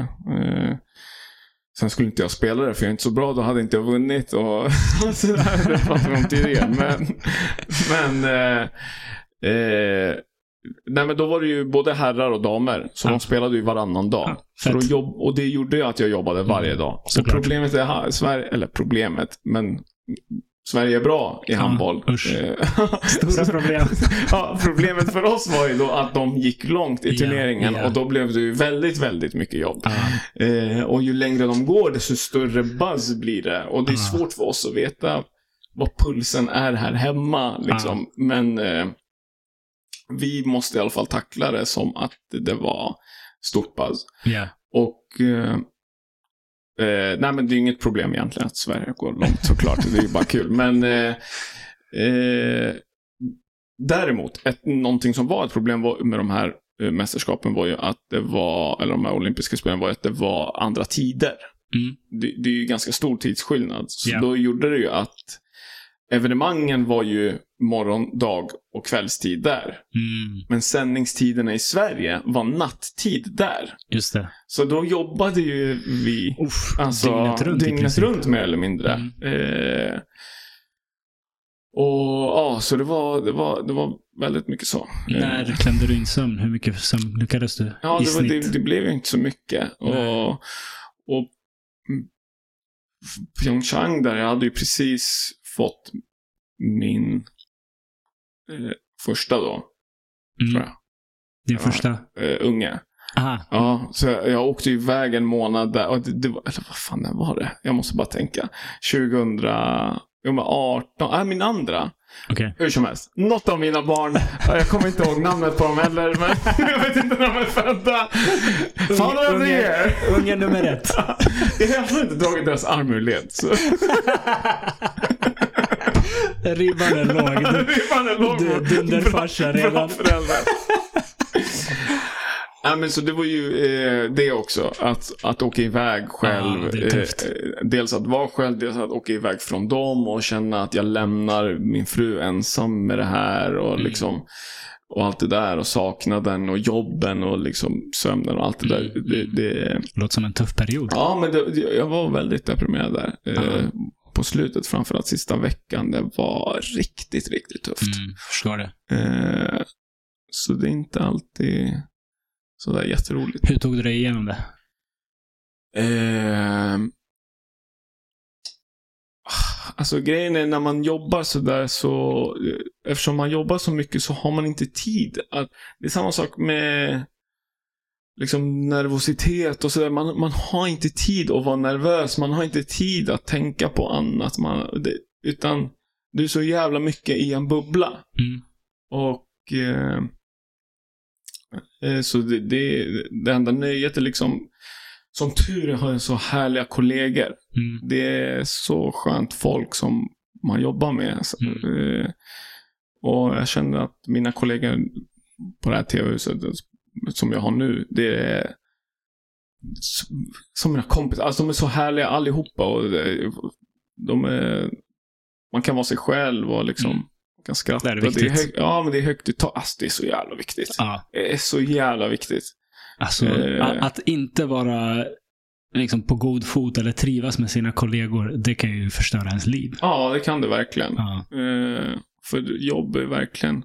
Man hänger ju med dem mer än familjen i princip. Ja, ja, ja. Sen, sen, alltså själva jobbet behöver inte alltid vara eh, roligt. Alltså man kanske inte gör, alla jobbar inte med kanske det de tycker är jätteroligt, men så länge man har bra människor runt Mm, sig, mm. förstår du? Det, det, är- det skulle jag rekommendera liksom. Mm, verkligen. Att söka er till en arbetsplats eller ett jobb där ni får jobba med bra och sköna och Mm. härliga människor. Hellre ett jobb som är mindre kul, men bra kollegor. 100 procent. Mm. 100 procent. Ja, jag är med dig. Ja.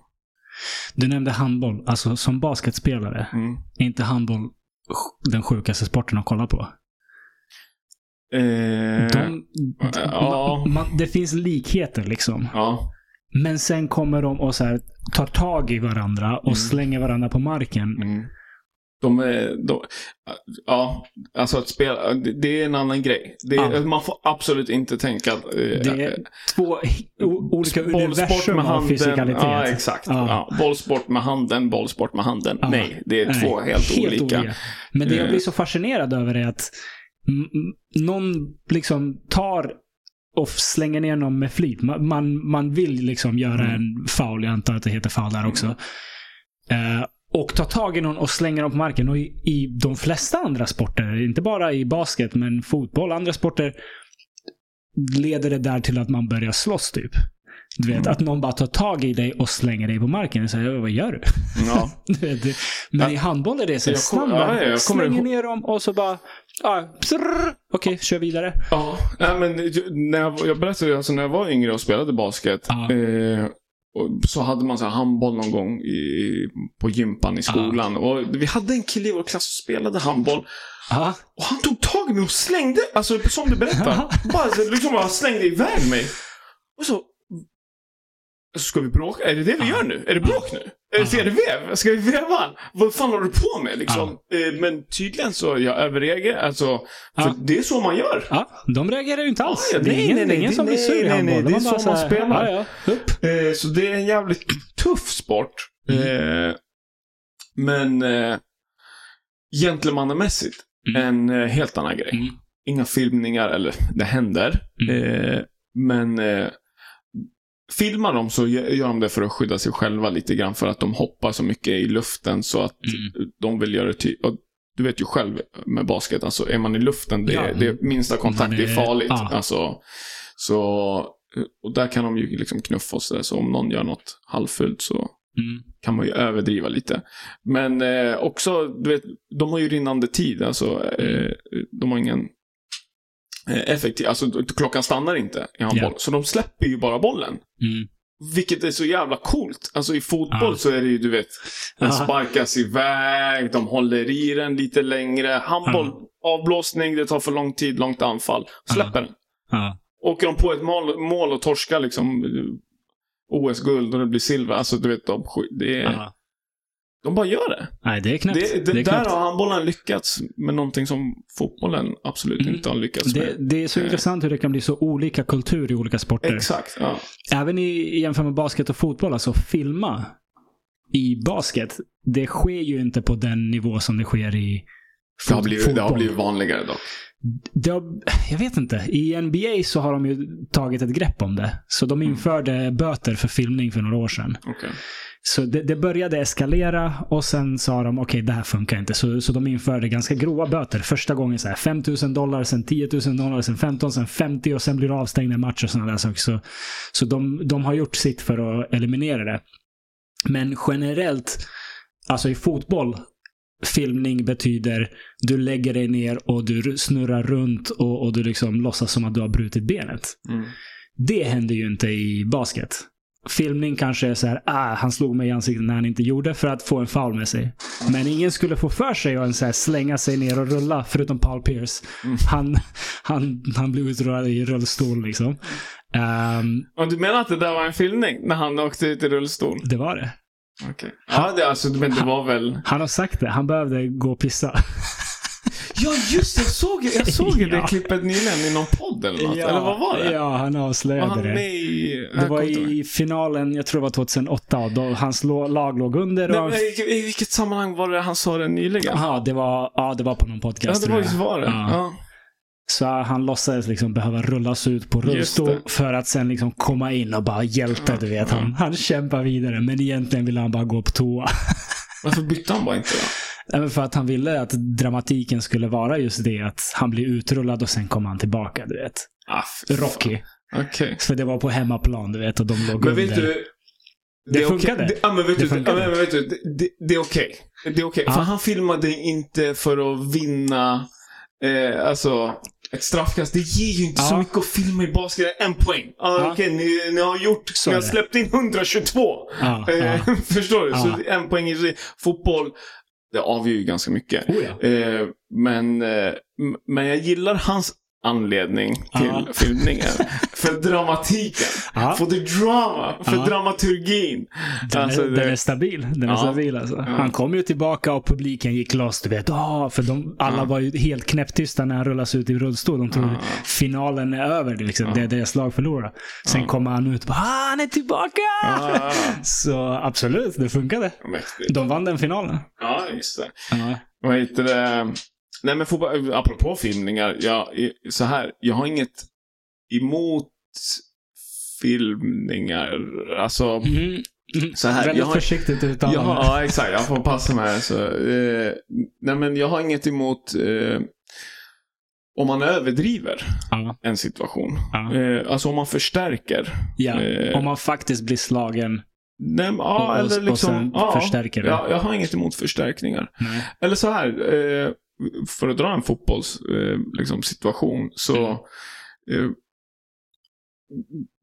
eh, du kommer in i straffområdet, du petar bollen förbi en försvarare. Försvararen sträcker ut benet. Ja. Jättedåligt försvarsspel. Ja. Eh, vad gör du? Hoppar du över hans ben, tappar fart och bollen rinner ut i sidlinjen, det blir inspark. Mm. Eller söker du kontakten med hans klumpiga ben Mm.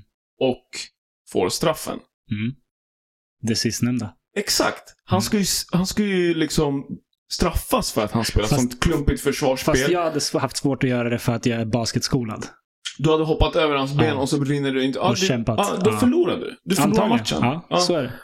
Jag hade gjort det, jag hade gjort det för att vinna. Och, Ja. och, och för mig är det inte fuska. För mig är det, jag, jag tar vara på en situation där någon Mm. annan är dålig.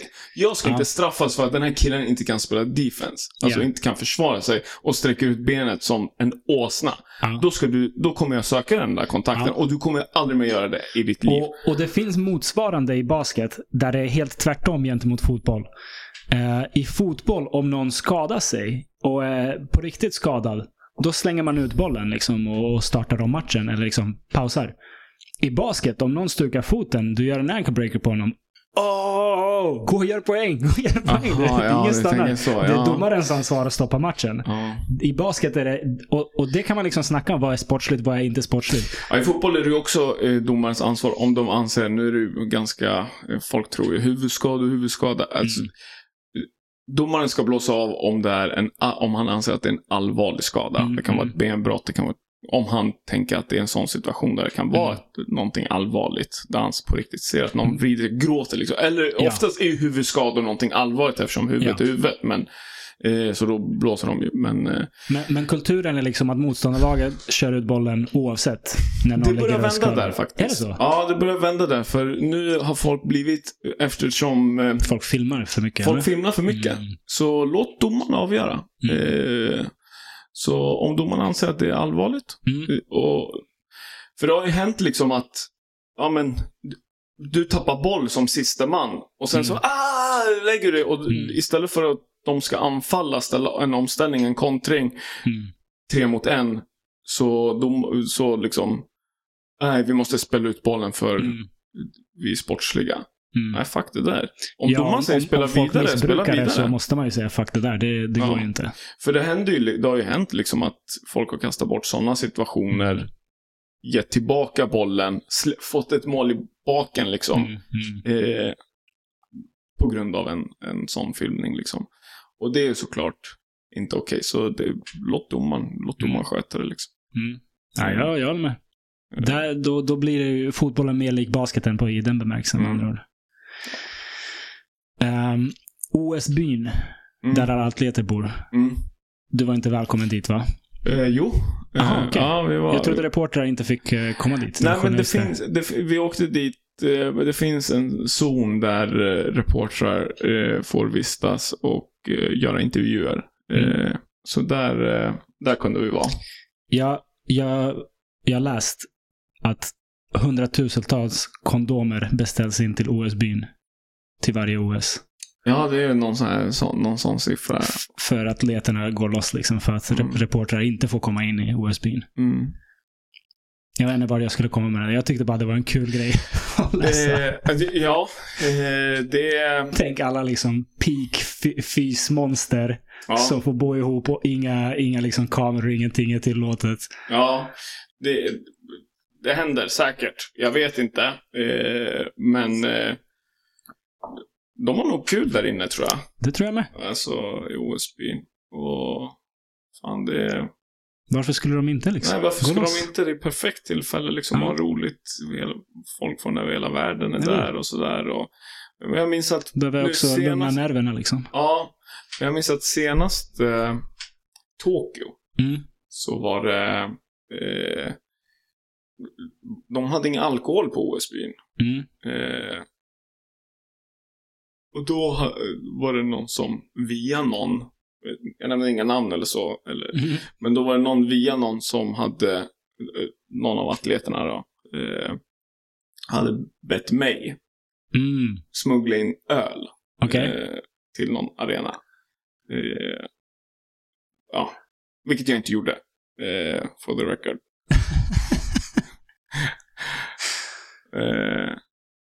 Ja, så de cravar ju. Och Ja. de vill nog gå loss mer än vad de redan gör. Eh, men eh, då var det ju också corona, så då var det inte liksom...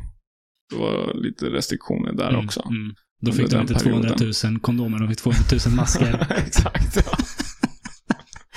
Sad. Ja, Fy fan, fel OS. Hon tränar hela sina liv, ska ha kul och så är det corona. Ingen publik. Ah, ingen det är fest, trist. ingenting. Ja, men... Eh, eh, ja, men lite alkohol hade nog... Eh, eh, jag vet inte om det är så på alla OS eller om det bara var för att det var corona då. Men det var ingen alkohol då. Jag skulle, jag skulle inte vara förvånad om det inte var alkohol vanligtvis heller. För det, det känns som rimligt att det inte ska finnas alkohol där inne. Ja, eh, ja men inte. verkligen. Jag har aldrig Eh, tänkt på det. Men det behöver inte betyda att de inte vill dricka. Utan Mm. de vill nog fira. Det är folk som Mm, vinner mm. grejer varje dag och det är deras livs liksom, Ja. ögonblick. Gud, ja. och, Eh, de vill festa med någon annan, någon granne. Så, äh, vann du också guld? Ja, la- okej. Ja. Låt oss. Ja, speak. Men, eh, ja. Ja, men lite så. Jag såg Simone Biles live en gång. I, Mm. i Skottland på något VM eller vad det nu var. Mm. F- gymnastik. Mm. Ja, freak. Mm. Det är den mest imponerande atlet jag har sett i mitt liv live. Mm. När man ser på liksom relativt nära håll vad hon gör. Alltså hur mycket hon snurrar i luften. Hur Mm. högt hon flyger när hon gör sina volter. Mm. Det, det går inte att förstå liksom. Jag, Mm. jag hade sett henne på tv men när jag såg henne live var det så här, shit alltså hon är typ 1,50 Mm. byggd som LeBron James Mm. och gör de sjukaste grejerna jag någonsin sett någon göra med, med, med en kropp liksom. Mm. Har du haft några sådana stunder när du sett någon live och bara, hur är det här möjligt alltså? Eh, eh, ja, alltså på OS Mm. är det ju liksom crème de la crème, liksom de bästa och de Mm. bästa liksom i, i sina sporter. Eh, så det var ju häftigt att se alla de här nära håll. Eh, så ja, eh, nu såg jag inte gymnastiken och Biles, men eh, men det, jag har ju sett liksom, jag var ju på friidrottsarenan och allt det där. Alltså, det, är otroligt alltså. Mm. Det är en helt annan grej att se grejer live. Mm. Eh, just, just handboll var jag mycket på och det, det är faktiskt en av de eh, bästa livesporterna Okej. att se. Hur så? För eh, det går så jävla fort Mm. och det smäller och de kastar så fruktansvärt hårt. Alltså det är så jävla actionfyllt. Och du vet de, de här kasten och ta, du vet som vi pratade om när de tar tag i varandra och slänger Ja, varandra. ja. De är alla två meter och väger ju 100 kilo och springer fort och kastar 200 kilometer i timmen. Dunk i ribban och man hör klistret från deras skor på händerna från bollen. Man tänker inte på det, men det är fan hur mycket klister som... Om man bara hör det på golvet när den studsar och... Cool sport att se live. Eh, är inte som något annat. Fotboll, det är för långt. Det kan vara 80 meter på andra sidan. Man är 100 meter ifrån en situation. det. Det. är 150. Basket, det smäller ändå inte den här. Man kastar, men man kastar inte hårt. Mm. Här kastas det hårt, det springs fort, det smälls ordentligt. Det är, Mm.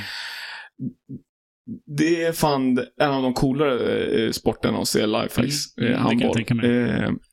Så då, där har jag imponerats. Och de är ju så jävla stora allihopa. De är ju som basketspelare de där. Ja. Fast lite kortare och liksom kanske... De hoppar ju också sjukt högt. Ja. Alltså, när de ska eh, Ja, skjuta Och liksom det där är ju en grej man meter. inte... eh, Man, man får inte den känslan när man ser det på tv, för vinkeln är liksom uppifrån och ner. Så man ser inte liksom hur högt de hoppar förrän man är på planen. Mm. Eller liksom i nivå med planen. Mm. Nej, det är, det är jävligt coolt. Mm. Nu såg jag ju... Eh, det finns ju någon... någon eh, jag såg någon... Vad var det hette? Men, eh, något olympi... Inte olympiskt spel, men de ska ha något liknande. Fast för dopade människor. ah, just det, just det. Bara gå loss. Låt dem, Gå loss! låt dem Vi- göra. Låt, oss se, Ja. låt oss bara se hur fort vi kan Ja. springa Ja. med preparat. Alltså, det spelar ingen roll. Ja. Hur fort kan den mänskliga kroppen springa utan liksom eh, mekaniska liksom, verktyg? Eh, Vad tror du om det här? Tror du det är en bra idé, eller? det, det är en kittlande idé. Eh, och det, det förstör ju allt vad idrott eh, står för. men men vi, alltså, jag fattar ju konceptet. Det, det måste Det till vore någon liksom... jävligt underhållande. Jaha, men alltså om vi vad- underhåll, om vi är Ja. där för att se någon springa snabbt. Ja. Låt oss se någon springa det snabbaste som någon någonsin har sprungit. Jag skiter i, om, eller nu säger jag inte att jag, men det, jag tänker att personen i publiken tänker så. Ja. Jag skiter i vad, vad han har i kroppen, han eller hon. Låt oss bara se liksom, Ja, och, och det kan vore vi komma ju... över nio sekunder på 100 meter? Kan vi... Det vore ju ett intressant sätt att få bort doping från ordinarie sport. Att okej, i ordinarie sport håller vi oss borta från doping. Om du vill dopa dig, här, gå, gå dit. Det är fritt fram. Dopa dig hur mycket Ja, du vill. ja, du tänker så. Ja. Så att det finns så att en det liksom... finns en liksom sanctuary för... Ja, en normal liga och en vilda västern-liga där folk får göra vad fan de vill. Då kanske det blir renare i det normala. Ja, ja, alltså. Idén är ju knäpp. Ja. Men vi lever ju i knäppa tider så... Ja, det gör vi. Varför inte? Ehm, så länge man kan Hade du göra... tittat? Ja, gud ja. Alltså speciellt typ friidrott och sånt. Ja. Säg så här trestegshopp. Fatta det på liksom all den Ja. extremaste dopingen som man kan göra. Ja. Men det enda är, jag skulle ju eh, tycka att den ligan måste i så fall säkerställa att folk inte dör. Mm. För det är väl det är ju risken om man släpper loss det, gör vad du vill. Ah, okej. Och så kommer det så här, varje, varje sån mästerskap är det så fem, sex pers som får hjärtstillestånd eller något. Det är så här, ah, okej, det här kanske inte är en bra idé. Vi ska inte uppmuntra det här. Så man måste ju kunna göra det säkert på något sätt också. Mm. Vilket är jävligt svårt om man samtidigt säger dopa er. Ja. Ja, ja, det hade varit något. det hade varit något. Eh, hade du kollat på NBA? Alltså om det var en liga. Eh, Ja, det är klart jag hade. Det är en liga bara med Alltså, dopade spelare. det- Det, det, är inga stjärnor. De Då- heter, då- Det är någon Wilson och det är någon Aha. Anderson. Du känner inte dem. Nej, men, ja, men de är lika inte. långa och stora som LeBron, bara att de är eh, dopade. Och springer fortare. Ja, Fast problemet är att det är som teknisk sport. Man måste kunna skjuta och sådär så också. är det. Så ja, är det. såklart. Alltså, spela jag hade ju inte kollat på sämre basket bara för att de är dopade. Nej. Men alltså, då då... Ja, men nej, nej, men det var en dålig fråga. Jag, tänk, jag tänkte mest att eh, för underhållning, men då hade man, det är ju samma princip i så. USA tar ju det där alltid för långt. De har ju liksom studs, matte, basket. Ja. Har du sett dem där? Ja, det är sjukt stört. underhållande. Kan det är helt stört alltså. det, alltså det är så, jag, jag kan inte kolla på det för att jag, jag har haft för många skador. Så du vet, när jag ser någon hålla på på en studsmatta och gå upp för att dunka en boll samtidigt som någon annan hoppar på en annan studsmatta för att blocka honom och tackla honom i luften. Alltså jag får ju, jag skadar ju mig innan de ens kontakt, kommit i kontakt med varandra. Jag är så här, ah! Men det, det är lite, alltså det är ju monster truckens Ja, liksom, bas, ja. alltså det är basketen. Man, man vill Ja. ju se kollisionen. Ja, Jag ja. vill inte se honom dunka liksom Ja. windmilla, utan jag vill ju se någon försöka blocka. Det är sjukt. Det är sjukt. Det är underhållande som fan. Men jag, jag, alltså när jag ser en så här, två meter, två, två tio snubbe i NBA hoppa för att dunka och det är någon under korgen. Även där blir jag så här, du vet, för jag är rädd att han ska landa på hans fot och rulla foten, du vet. D- Så den där, den där studsmattesporten, alltså jag, jag, jag, mina nerver klarar inte av det. Nej, nej, nej. Jag har bara kollat highlights någon gång och bara, Ja. okej, okej, det här det här är för extremt för mig. Ja. Men, men jag skulle, ja, jag skulle, ja, Steve, vad skulle du Nej, säga? jag tänkte bara säga att jag kollade, jag såg USA spela eh, på OS också. Vi hade Mm. någon timme, åkte iväg till andra sidan stan i Tokyo och, Mm. och kollade när USA spelade mot Iran faktiskt. Eh, Mm. av alla Jämn match. Eh, inte särskilt. men, eh, men det var, det var kul. Ja. Eh, det var roligt. Det var inte så mycket publik liksom. Det var ju corona men. Mm. Ja, de är fan bra alltså. man kan i alla fall säga att man har sett dem. Liksom. Ja. Eh, Så. Eh, så, jag vill minnas att det var jämnare än vad jag trodde. Eller ja. förväntade mig. Ja. Eh, så, ja. Sen var det inga snack, såklart. Men, eh, men jag vill minnas att det var lite jämnare än vad jag trodde.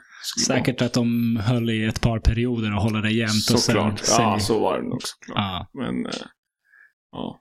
Nej, de är så jävla överlägsna fortfarande inom basket. Mm. USA, det, det är inte i Mm. närheten. Och oftast skickar de inte ens de allra bästa Nej, till, till VM och OS och så. nej, nej. Så ja, det är sjukt hur, hur överlägsen den nationen är på det. Ja. Du fick min kollega fick ju också intervjua Kevin Durant eh, då. Eh, vilket var jävligt häftigt. Mm. Eh, så det, ja, det var coolt.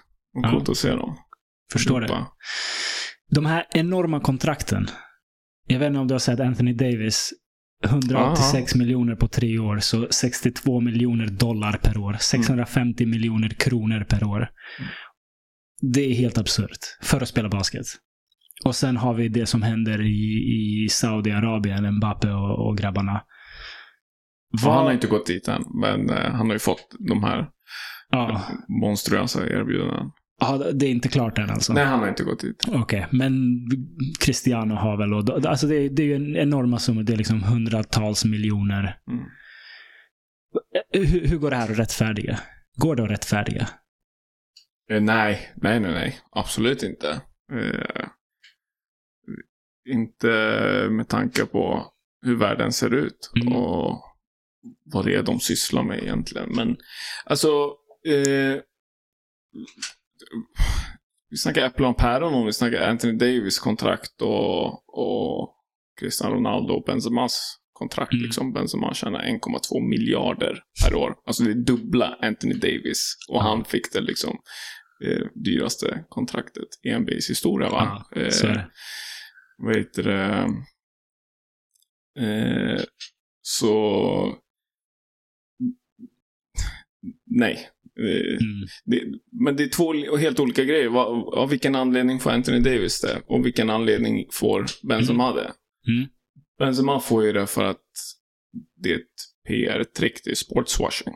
Mm. Eh, de vill ju bara tvätta sitt lands rykte liksom. Mm. Eh, så... Och det finns ju ingenting som är kraftigare nästan, bevisligen.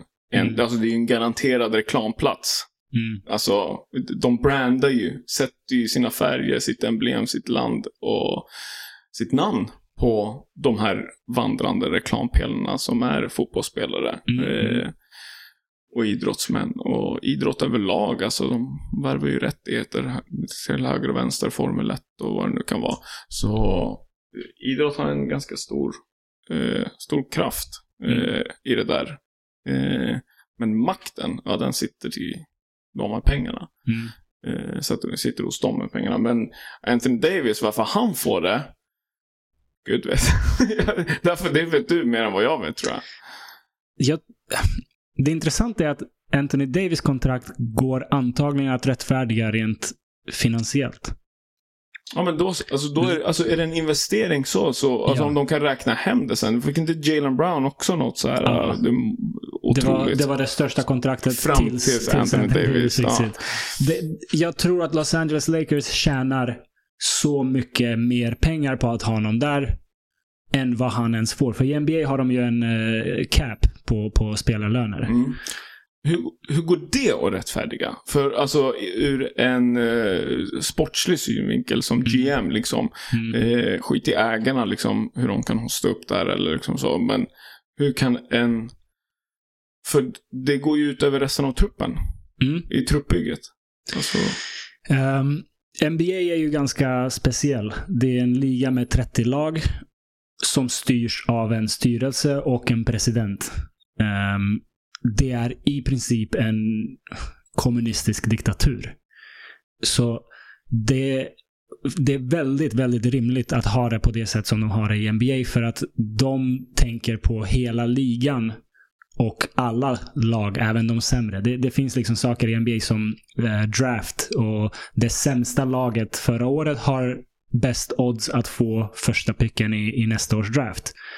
Um, så hela ligan är strukturerad på ett sätt för att maximera underhållningsvärde över hela ligan. Så man, man sätter eh, salary caps på, på spelare för att det inte ska bli att ja, men Lakers och Knicks, det är de två stora eh, lagen i de två stora städerna. Rent ekonomiskt skulle de kunna köpa alla de bästa spelarna varje år. Och det vill ligan undvika. Eh, jag gillar den principen. Jag Mm. gillar den tanken eh, med att eh, man inte låter klyftorna bli för stora. För Mm. vi, vi har ju hamnat i den här situationen med fotbollen nu. Oh ja. eh, där eh, klyftorna är för stora, de rika blir bara rikare, Mm. de fattiga blir bara fattigare.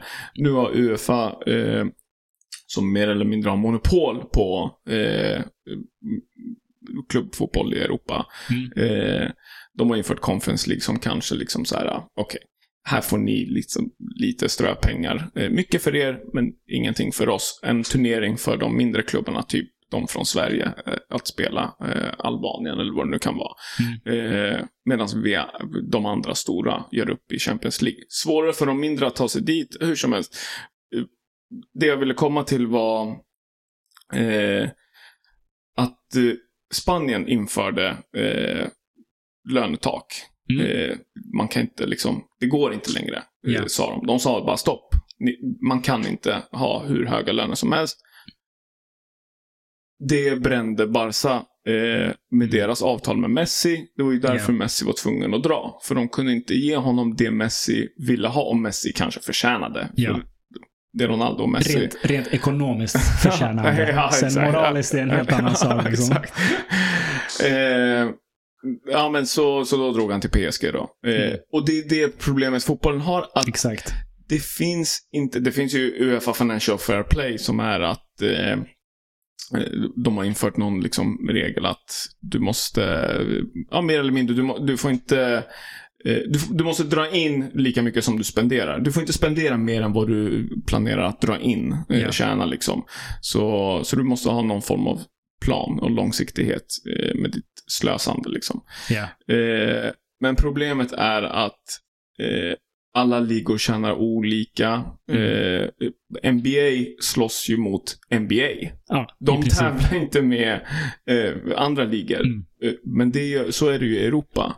Och det gör att det bildas en hierarki mellan de här klubbarna. Ja. Rättigheterna kostar ju olika, pengarna, eh, klubbarna tjänar olika mycket pengar. Mm. Och eh, nu har det kommit in en annan aktör, aktör i Saudi liksom. Ja. Eh, och de går inte under de här reglerna. För det är ju Uefa Financial Fair Play. De har ju inga Mm. sådana regler.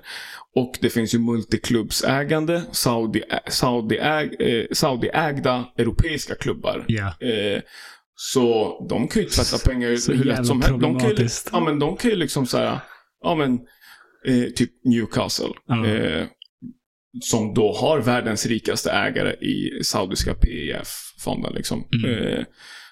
Så de kan ju liksom köpa en spelare för en miljard. Mm. Jaha, hur ska vi räkna hem de här pengarna? För vi har ju lite regler att förhålla oss till. Mm. Ja, men Saudi kan säga då, ja men vi köper den här dussinliraren för 800 miljoner. Mm. Alltså, det- går ju liksom inte, det är samma plånbok, allt kommer ut och inifrån. Ja. Så system, fotboll, fotboll behöver liksom en omstart. Det är fel. Ja. Systemet, det gick för långt, vi tappar kontrollen. Nu har Mm. ingen kontrollen. Eh, så, så, så den är trasig. Fotbollen är trasig. Mm, NBA har i alla fall fortfarande, som du säger, om man kan, om man kan betala Anthony Davis så mycket pengar och Mm. fortfarande gå runt och fortfarande ha en konkurrenskraftig liga, Ja. då är det någonting rätt man gör. Oh ja. Oh ja. Alltså för i Europa, hade det varit så lätt att betala den här spelaren så här mycket lön, Mm. då får du den och du, kan, då kan du säkert betala en till bra. Alltså du, då har du pengar. Mm. Om du är en klubb som kan betala dem lön, då har du pengar. Och har du pengar, då vinner du. Det, det finns ganska enkla kurvor att titta på. Mm. Eh, jag såg, det finns ju en dokumentär nu på Amazon eh, om Newcastle, en sån här, du vet, de följer, en dokumentärserie där de följer en klubb. Ja. Eh, då ser man ju eh, hur de, när de blir uppköpta, tar dit den saudiska ägaren och visar honom.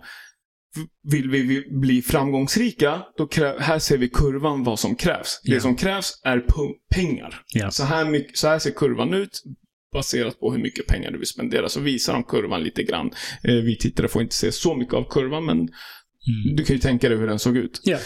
Eh, men eh, men det, det är där vi är liksom. Alltså med NBA, de, de gör väl någonting rätt antar jag liksom med Ja. de pengarna. Och det var inte självklart. För jag, samtidigt som jag kollar den här serien kollar jag också eh, Winning Time på HBO. Eh, säsong två kom ju, eller har ju Jag har precis... inte kollat på det. eh, nej, det är den här med eh, Lakers eh, och Boston. Mm. Eh, När de var Ja, ikoniska. lite dynastin där Mm. med, med JC Riley och eh, Just det. Ja, men svinbra serie. Eh, och nu kommer säsong två när de fortsätter med Magic Johnson och Larry Bird. Eh, liksom, eran tar Mm. fart Mm. och, och sådär. Välskriven och verklighetstrogen liksom, sett till vad som Mm. faktiskt hände. Man blir ibland så här, wow, så var man tvungen att kolla upp liksom, var det verkligen så här gick till? Och det var ju oftast det. Och då var det så här Jerry West som eh, Eh, nej, inte Jerry West. Det, det är ju han eh, på NBA-loggan va?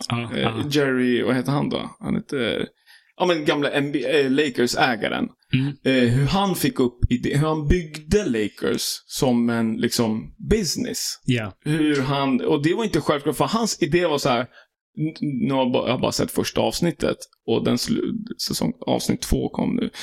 Eh, har jag inte sett, men den slutar någonstans med att han säger vi betal, eh, vad, har vi för löner på spelarna? De Ja. har så här, så här mycket. Han bara lägg till en nolla på alla. På alla startspelare. Och Ja. de sa det är inte så den här ligan fungerar. Det är inte liksom, vi har inte de pengarna. Och han var så här, tro mig, jag kommer räkna hem det här. Ja. Och Lakers då var ju liksom ett bra gäng tills han tog över. Så någonting rätt gjorde han ju. Nu är vi här, där Mm. Anthony Davis får Mm. astronomiska summor. Mm. Eh, jag tror det började där någonstans. Ja, ja, det är väldigt rimligt. Jerry Buss. Jerry Buss, stämmer. Stämmer. Ehm, ja, alltså pengar, det är oundvikligt att du behöver pengar för att vinna. Mm.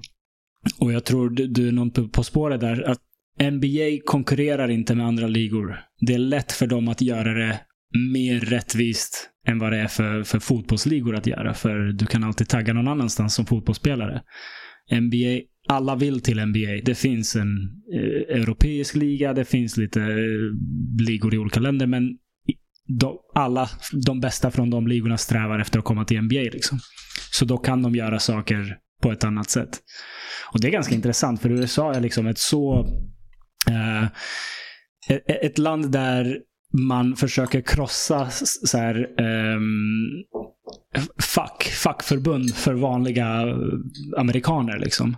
Men sen när det kommer till NBA-spelare, då har de ett fackförbund, en, liksom, en Players Union. Och, och, och allting, allting med NBA funkar i princip som ett så här, ja, men som en socialistisk verksamhet eller, eller kommunistisk verksamhet. Att man ser till att dela på, på vinsterna mellan lagen och så vidare.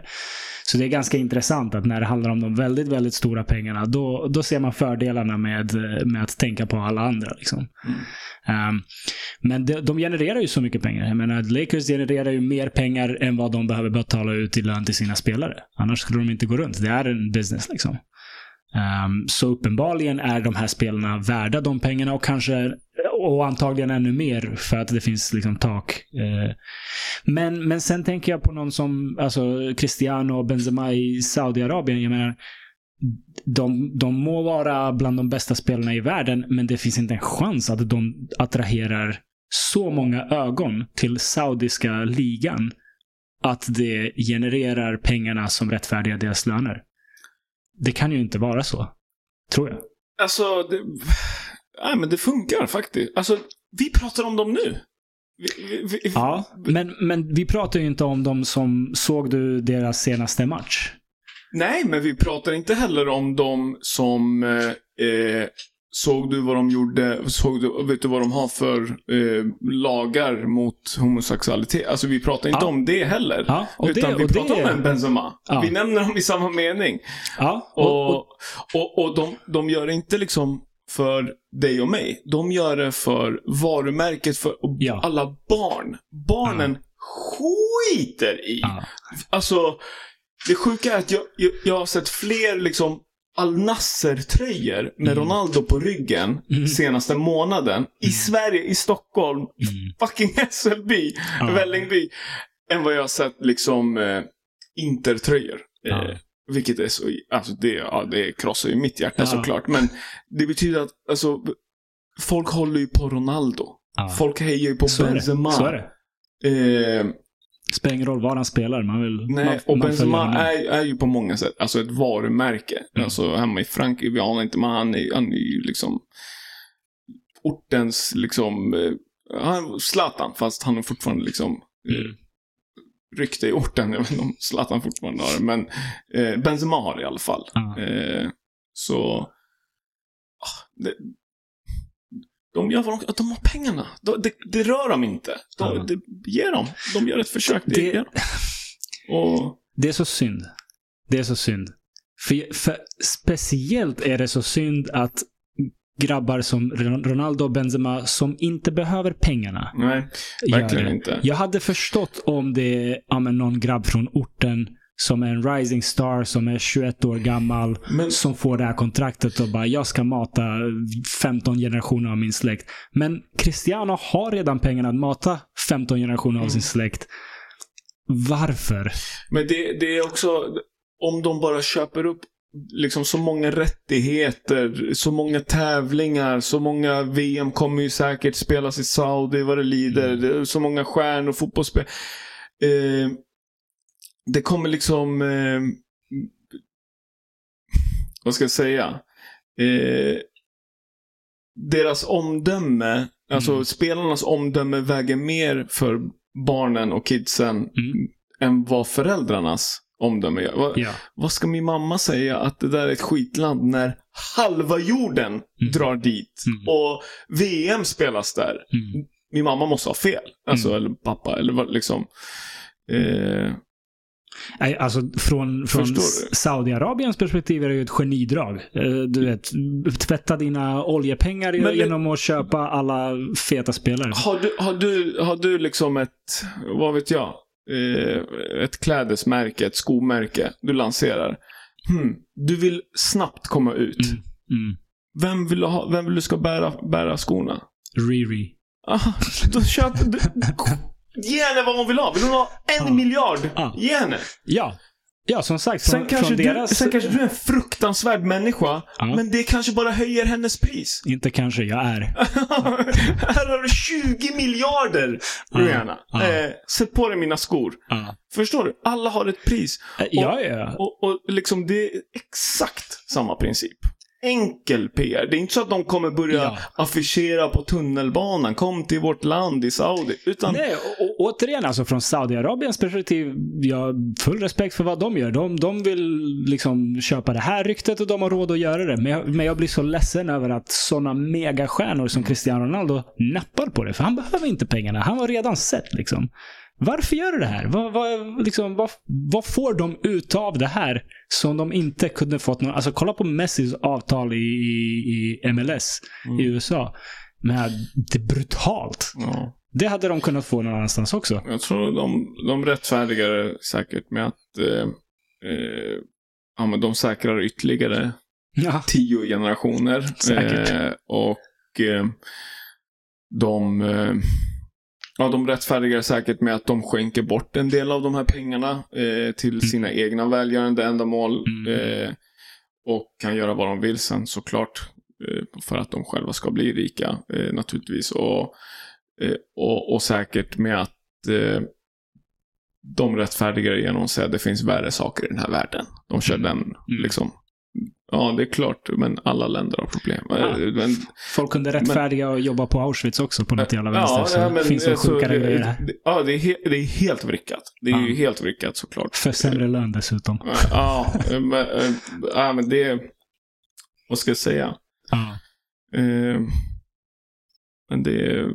Du har väl säkert också ditt, pris? Alltså om de vill köpa min podcast, jag Ja. menar. Ja, men det är det jag menar. Vi Så- kan börja prata i alla fall. Ja, men så de är väl, de är också där liksom. Eh, nu, eh, ja.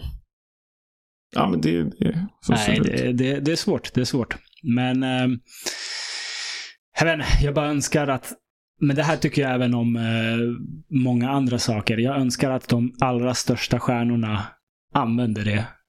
Till, använder sin plattform till, till att göra gott. Jag vet inte om du har hört om Enes Kanter någonting?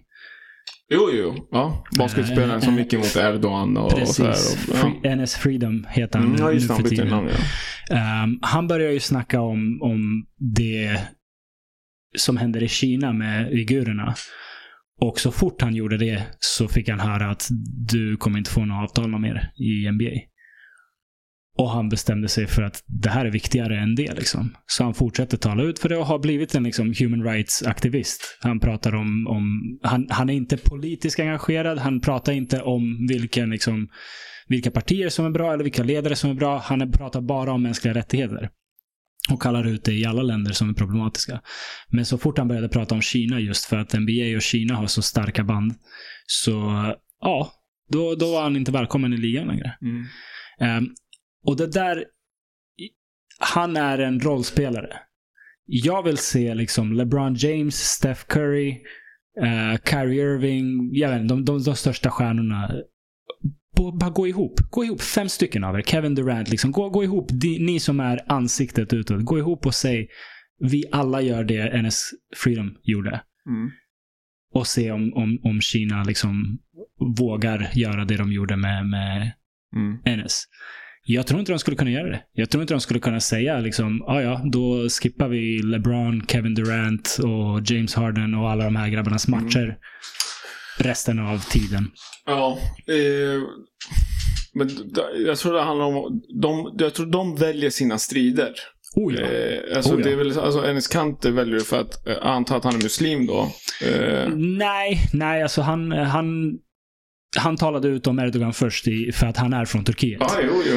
Eh, men sen har han, eh, sen var det någon som frågade honom, men varför pratar du inte om uigurerna? Ja, exakt. För det, det, det, det var dit jag ville komma, att det blir en sån grej. Eh, det, det är det som skulle krävas i så fall för att få LeBron och dem att ta ställning i en sån grej. De kommer inte i sina egna kanaler Mm. dela, alltså Saudi-tankar eller liksom Mm. eh, vad det nu kan vara. Eh, för det pågår ju så mycket skit i den här världen så, Så alla de här måste välja sina strider. Och de valde ju kanske sina strider eh, med Black Lives Matter och Mm. sådär. Eh, Strider som inte rör deras plånbok. Eh, Ja, exakt. Och, Jag, jag hatar inte på dem, för jag hade antagligen tyckt det var jävligt svårt att ta det beslutet själv om jag hade varit i dem, mm, deras situation.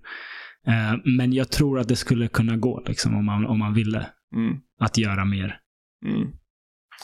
Mm. 100 procent. Alltså Mm. de, de inser inte vilken makt de har. Zlatan framför allt. Mm. Alltså, eh, vilket inflytande han har. Mm. Eh, han hade ju den här grejen med LeBron James där han sa att LeBron James borde göra det han gör bra och liksom spela basket. Och Mm. LeBron svarade liksom, ja men Zlatan är en bra spelare men jag, skulle aldrig, jag kommer aldrig vara tyst liksom. Mm. Och LeBron har ju fått höra det tidigare också med shut up and play liksom. Mm. Eh, Men, eh, men jag håller med dig till 100% att idrottsstjärnor borde ta ställning oftare. Eh, istället för att eh, lockas av frestelsen som Mm. är det monetära liksom.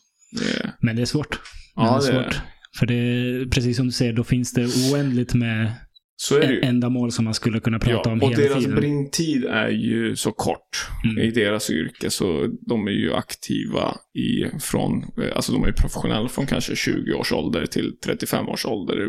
15 år, varav de inte tjänar så bra de Mm. första fem åren, kanske fyra, fem. Och det finns inga garantier på att de nästa sju kommer vara bra. Mm. Så de här kontrakten de skriver vid 30-årsstrecket, precis före, precis efter och sådär. Det är oftast deras mest lukrativa. Mm. Eh, sen får de kanske en sista vid 35 års i Saudi i USA för att dra in det sista. Sen, sen, har de- sen har de inget jobb resten av livet. Eh, De kan Så. hitta jobb. jag tror inte Om- heller det är något de problem. vill. Jag tror inte heller det är något problem för dem, men, eh, Ja. men kanske inte alla. Eh, Ja. det, finns det, det finns ju inte bara Benzemas och Ronaldos eh, Mm. och Messis, utan det finns ju eh, under det och under det och under det. Mm. Eh, alltså, det är många liksom, eh, liksom kategorier innan vi kommer till eh, många fack innan vi kommer till De är, amatörfotbollsspelare. de är vältränade grabbar. De kan jobba i byggbran- byggbranschen. Absolut. Bara konka grejer. Det Ja, finns ja. alltid jobb om man vill. Ja, ja. Men det är stolthet. Det, Eh, vi har nosat lite på Zlatan. Vad, han la skorna på hyllan det här året till slut. Man, eh, man förundras över hur länge han höll igång. Eh, vad har han betytt för dig? Personligt, eh, på en personlig nivå, på en professionell nivå? eh, extremt mycket. Zlatan för mig har, har ju varit eh, ständigt närvarande. Mm. Eh, och väldigt nära. Mm. Från, det, alltså, från det att eh, man var ung. Fan, han, alltså, tänk, han gjorde ju redan där vid millennieskiftet. Alltså, när, Mm. man var, när jag var ett barn. Alltså, det var så himla länge sedan som han eh, slog sig in i liksom, Malmös A-lag och gjorde sina snurrfinter och spelade den fotbollen som är min fotboll. Ja. Fint, vackert, kaxigt, tunnel där, nya dragningar. Han fick mig att liksom vidga mina vyer när det kommer till liksom dribblingar och vad man kan eh, göra på en fotbollsplan. Eh, och han inspirerade så jävla mycket Mm. eh, mig som barn. Eh, och man älskade honom alltså gränslöst och ville se honom spela mer. Där VM 2002, vad fan hoppade han in bara och så här. Mm. Eh, man ville att det skulle gå bra för honom där, eh, såklart. Och så följde man honom i Ajax och sådär. Eh, sen... Eh, för det har varit alltså, väldigt många olika ansikten på Zlatan i mitt liv. Eh, från den där lilla grabben som inspirerade den, den lilla pojken Ramin. Eh, tills den unga mannen som inspirerade tonåringen Ramin och Mm. kanske hade lite tudelade känslor när han gick till Juventus. Som är då min stora, stora, stora, stora antagonist. Då ville jag ju inget hellre än att han skulle liksom eh, ja, men att det skulle gå dåligt för honom. Alltså det var verkligen min innersta dröm. Jag hade liksom på mitt sk- sk- skol eh, skåp. Eh, Mm. Du vet så här, skåp man har i gymnasiet så hade ju så här tidningsutklipp och bilder på Matar- när Materazzi tacklar honom. eh, och det var ju liksom Ja, men det, som fin bild tyckte jag. Liksom. Den visar liksom att eh, det är inte som laget liksom. Och, och han ska inte komma hit och tro att... Eh. Sen kom han ju till Inter. Ja. Från Juventus. Och plötsligt Och älskade honom. plötsligt över en natt. Alltså han var min gud. Ja. Han var min gud. Åh, jag älskade honom så mycket. Och då Ja. fick alltså, jag älskade honom dubbelt. Trippelt. Alltså du vet, det var... Eh, ja, ännu mer. Och, och han frälste oss där också med ligatiteln i den sista omgången mot Parma. När han var skadad och hoppade in och gjorde två mål. Ah, det var... Jag kommer aldrig glömma det. Och jag är evigt tacksam. Sen drog han ju. Mm. Svek oss, gick till Barca, då var han där igen. Jävla svikare. Men pengarna vi fick därifrån gjorde att vi köpte spelare som gjorde att vi vann Champions League och slog ut hans Ah. Barca där i semifinalen. Så, så jag, jag, jag, jag har haft många olika känslor till honom. Mm. Sen har han ju under den här tiden parallellt, parallellt med, med liksom klubblags eh, berg och dalbaneåkandet Ja. så har han ju också gjort det så jävla mäktigt i landslaget. Ja. Och där, så fort han drar på sig den så är han ju min gubbe liksom. Ja. Det, det är ingen snack om saken. 100 procent. Eh, så, Även när han spelade för Juventus. ja, ja, ja. Ja, Ja, ja men vad fan, ja, 100 procent. Ja. Eh, vad fan, han, inte, han det påverkar inte Inter liksom. Ja. Ska du spela för landslaget? Ja. Jalla bror. jag vet det, nej, så, så det har varit väldigt eh, märklig relation. Och så nu senaste åren med Milan också. Men då har han ju kommit, och PSG såklart, då var, var ju neutral. Han gör inte mig något. Så Mm. gör så många mål du bara kan visa att du är fucking Mm. bäst. Mm. Alltså, för han är ju det. Han är ju liksom, det finns ingen som honom. Mm. Han är ett unikum. Alltså, också fysiskt, mentalt. Det finns ingen som honom alltså. Det, sen Messi, är någonting, alltså han är ju någonting annat. Mm. Men, men det Zlatan är, alltså, det är, Det är speciellt. ja, det är speciellt. Det är så jävla, det kommer aldrig komma någon som honom. Aldrig. Mm. Som gör så, så många spektakulära och snygga mål. Ja. Alltså det, han gör mål i mängder och han gör må, snygga mål. Sen Ja. visst, den här perioden i PSG, då var det mål i mängd. Alltså då var det bara många mål. En tap-ins-mål och han var någon form av central anfallare och liksom straffområdet. Eh, sen gjorde han ju snygga mål där också med klackarna och långskotten och sådär. Mm. Men det finns alltså eh, ingen som har så många snygga mål i sin katalog. Ja. Alltså det finns ingen. Ta, ta hans topp 50 snyggaste mål. Ja. Det femtionde är livets mål för vilken annan Ja. fotbollsspelare som helst. Också att han får för sig de sakerna som han gör. Mm. Alltså den där eh, bicicletas mot England från 40 meter eller vad det nu är. Bara att det där dyker upp i hans huvud som en möjlighet. Mm. Jag ska göra en bicykleta härifrån. Ja. Det, det är så fascinerande. Det, Alltså, det liksom, det, men, jag kan köpa att han tänkte det. Jag, vet du, jag kan köpa att han tänkte det. För det Ja. finns, det finns ändå någon, någon liksom... Eh, eh, jag, jag kan säga att han tänkte det. Men att, gö att göra det. Ja. Alltså att göra det. Du vet, han, han gör inte bara liksom, det är inte en bakåtspark. Utan killen är tre meter upp i, han hoppar ju upp, Ja. tajmar den, Ja. träffar den. Den farten, den riktningen. Ah, det, Ja. det, går, det går bara på det sättet. Alltså det finns Ja. inget annat sätt. Det där är när man var liten och fick för sig någon grej på planen och fick livets utskällning för att du, det där är det. Det där är det. Liksom, är du dum i huvudet? Vad gör du? du, du målvakten springer ut, tar ner bollen, dribblar av honom och gör mål. Vet. Det var en coach hade sagt. Det är som att Zlatan aldrig... Han, han fick antagligen många utskällningar, Mm. men det, det liksom in genom örat, ut genom andra. Mm. Fantasin dog aldrig, kreativiteten dog aldrig. Han bara gjorde sin grej Ja, och men han så blev så bra. Ja, och det, det, kreativiteten, vi får aldrig underskatta den heller. Alltså, man Gud, måste nej. få vara, jag kommer ihåg, alltså, det, jag, var, jag gillade också att dribbla. Det var ju Ja. det som var det roliga med fotbollen och därför jag gillar honom liksom. Eh, Ja. För att han, han gjorde den fotbollen inför kameror och publik. När jag gjorde det, liksom, när jag var liten. På grusplanen. På grusplanen, exakt. Min, trä, min tränare bytte ut mig, vet du vad han gjorde? Han hällde vatten på mina skor. Jag var så vad, vad, vad, gör du? Mm. Han sa, jag måste ta bort limmet från dina skor. Ah, Det- va- va- till ett barn liksom som dribblar. Ja, jag Det fattar. Det är lagsport och sådär. Men... Jo, gjorde- men man måste kunna hantera det på ett bättre sätt. Ja. Alltså, Eh, jag minns i basketen utskällningar jag fick för att jag la en bakom ryggen-pass. mm, Och man bara, va?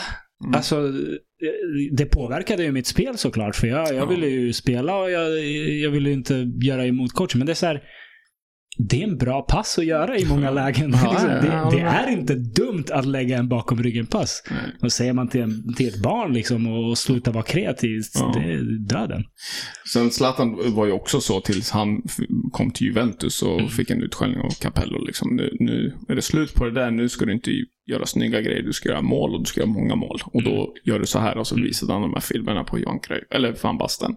Eh, men det jag skulle komma till var att när han sen gick till Milan och de här senaste åren. Då Mm. hade han ju kommit så långt i sin karriär att eh, Att han kan Man- leka igen. man hyser bara en sån stor respekt för honom. Mm. Och vördnad liksom så här. Tack för allt du har gjort. Ja. Och han fick ju vinna den där ligatiteln trots att Milan också är en stor antagonist så... Ja, jag skulle ljuga om jag sa att jag var glad när jag Mm. fick se att Zlatan lyfte pokalen. Men... Eh, eh, Du var inte jättearg. eh, alltså, Som jo, det, jo, det om- var jag också. Det satt i ett, jo, men det satt i ett bra tag. För Ja. vi var ju ganska nära. Men om det Eh, var Milan som fick den och det var någon annan än Zlatan som lyfte bucklan, då hade det svidit. ja, nej men det, det är alltid jobbigt att se dem vinna. Men, eh, men i efterhand så kan jag, liksom, när vi summerar hans karriär Mm. och sådär. Kul, att han, kul för honom att han fick göra det. Mm. Eh, på ålderns höst också liksom. Mm. Alltså, Verkligen. eh, I det stadiet av sin karriär. Eh, man ska komma ihåg att när, alltså när han kom till Milan, innan han kom till Milan, de var ju skit. Alltså, de var ju skit på riktigt. Jag tycker fortfarande de är skit. Men, eh, men då var de ju verkligen skräp. Ja. Så, helt osannolikt att de skulle vinna en ligatitel då. Men eh, Men Zlatan fixade det. ja, fan han löste det på något jävla sätt. Det är otroligt. Eh, trots att han inte har spelat så mycket under den här sista Mm. sessionen i Milan. Eh, vilket är synd. Mm. För alltså, det är så synd att han har varit sådär skadad. För kroppen har han ju, jag ser ju. Han har ju liksom, han har ju musklerna. Det är så synd. I den Mm. åldern, han är pl- 40 plus och han har de här, hans kropp ser Ja. ut sådär. Ja. Och, eh, men det är liksom så här. Ja, jag är ingen läkare, men inre grejer som Tiden, spökar. tiden liksom. hinner i kappen. Och, Ja, men man och har inte sett- bara äh, liksom, skador, utan även hur mycket fotboll han har spelat, hur många smällar han har tagit. Ja, liksom. otroligt. ja. Eh, men, ja. Ja, men kör. han, eh, han gjorde en sak som jag tycker är så otroligt viktig utanför fotbollen. Att säga, så- det är en sån enkel grej i efterhand, men då, att säga jag är svensk. Det, det är någonting som jag minns nyheterna, alltså innan nyheterna innan och efter Zlatan är inte samma. Mm. När man pratade om folk i, i nyheterna så var det svensk med invandrarbakgrund. Även när han började. Mm. Att, att man kallade honom svensk med invandrarbakgrund. Mm. Och när han tog ställning som, och bara, bara enkelt, jag är svensk. Jag är född i Sverige, jag är svensk pass, jag är svensk. Hur det tvingade medierna att förändra hur de ser på svenskheten. Så att, ja, någon som är född här, någon som är andra generationen liksom här, men som har bakgrund annanstans. Vad är de om inte svensk? Mm. Ehm, och det tror jag att vi har mycket att tacka honom för. Mm. Att han förändrade liksom den, den aspekten av uh, medielandskapet i Sverige och därmed folks tankar om det här. Mm. Ja, ja, ja, det stämmer. Det, det ska han ha såklart. Eh, och... Ja men det, fan. Det var inte självklart när han, Nej. när han kom upp. För det var, det var som jag sa, det var så jävla länge sedan Mm. som han kom upp. Det var ett helt annat eh, klimat ute. Mm. Alltså, eh, och en helt annan liksom ton och Mm. Mm. sätt att se på invandrare och, och sådär. Mm. Och förortsbarn. Och. Så, nej, det blev ju en helt annan grej. Eh, det blev ju lite mer polariserande också. Mm.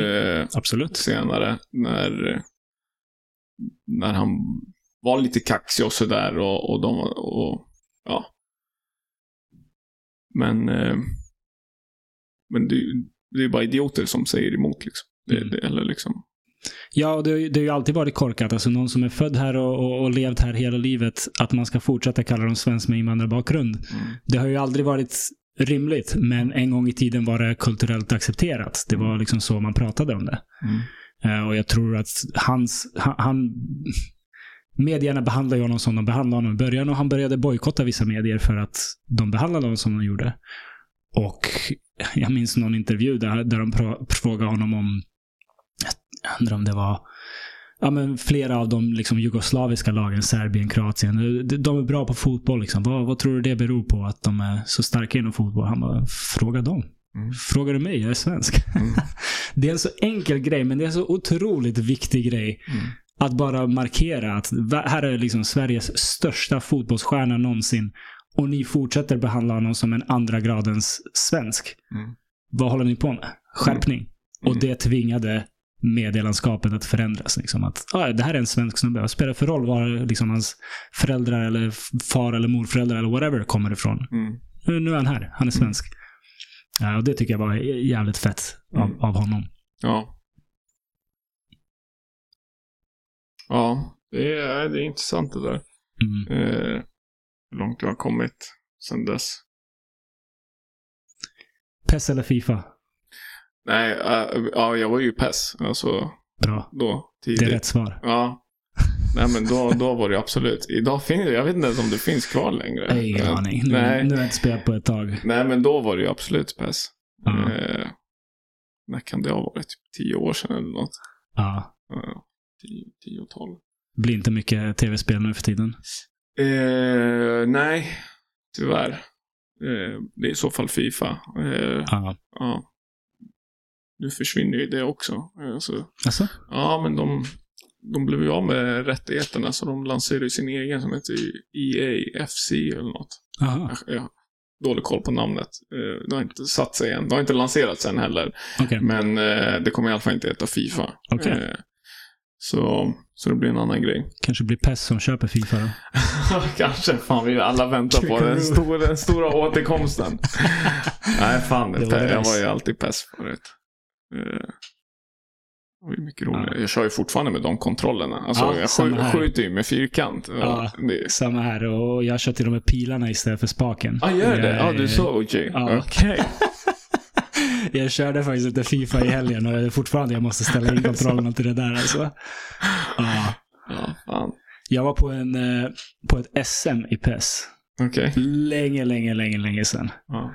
Ehm, och kom långt. Jag kom till typ semifinal. Och vinnaren skulle få dels pengar och dels åka till ehm, EM, PES EM i Schweiz tror jag det var. Och bo på lyxhotell och grejer. Okej. Och det här var länge sedan. Det här måste varit typ 2003 eller någonting sånt. Mm. Eh, 2003, 2004 där någonstans. Och jag kommer till semifinal. Och det står 0-0. Det är tight mellan mig och motståndaren. Typ 70 75 minuten har han hörna. Och jag var Brasilien. Och han lägger sin hörna, jag tror han var Frankrike. Och min gubbe som jag inte ens markerar, Roberto Carlos, går in och glidtacklar hans snubbe i straffområdet. Och det här var innan det fanns liksom så här pressa med en annan spelare. Du vet. Det här var OG-tiden när det enda som hände är det du gör. Bara någon jävla bugg i spelet, du vet. Han min motståndare också bara shit, vad fan är det där? Jag har aldrig sett det där hända förut. Så han bara glidtacklade honom i straffområdet och det blev eh, straff, det blev mål och jag torskade i semifinalen. Aj, Det var smärtsamt alltså. Jag har aldrig varit så arg aj, aj, aj. på ett spel i mitt liv som då. Det var bara någon random bugg alltså. Har aldrig sett det före eller efter i, i PES. Ja, den är jobbig. Ja, Ah, fy fan. jag var så nära. EM. Aj, aj, aj. Ja. Jag hade antagligen blivit manglad i finalen, men ändå. Jag kan ändå, jag kan ändå drömma. En parentes bara. Den parade, jag fattade inte ens att jag kom till semifinal. Men det var, då var det så litet så det var typ, jag vet inte, 40 pers eller någonting som Ah, spelade okej, i okej. SM. Ja. Ja. Men det är det ju andra grejer. Jag var programledare för E-allsvenskan för, för några år sedan. ja Det nu, var nu är det på allvar. Jävla uppstyrt och påkostat. Och Ja. det har bara eskalerat mer sedan dess. Men, Ja. eh, eh, Är det stort eller? Jag har inte, jag har inte sett det alls i Allsvenskan. E-allsvenskan? Nej, vi, du, jag tror det var en del av när vi köpte allsvenska rättigheterna. Så, Mm. så skulle vi göra någon grej på det också. Eller vad det nu var. Jag vet inte. Men eh, det hade aldrig sänts tidigare. Mm. vi gjorde någon sån grej. Då var det ju så här Malmö mot AIK. Så jävla cool studio. Alltså verkligen skitcool. Ja.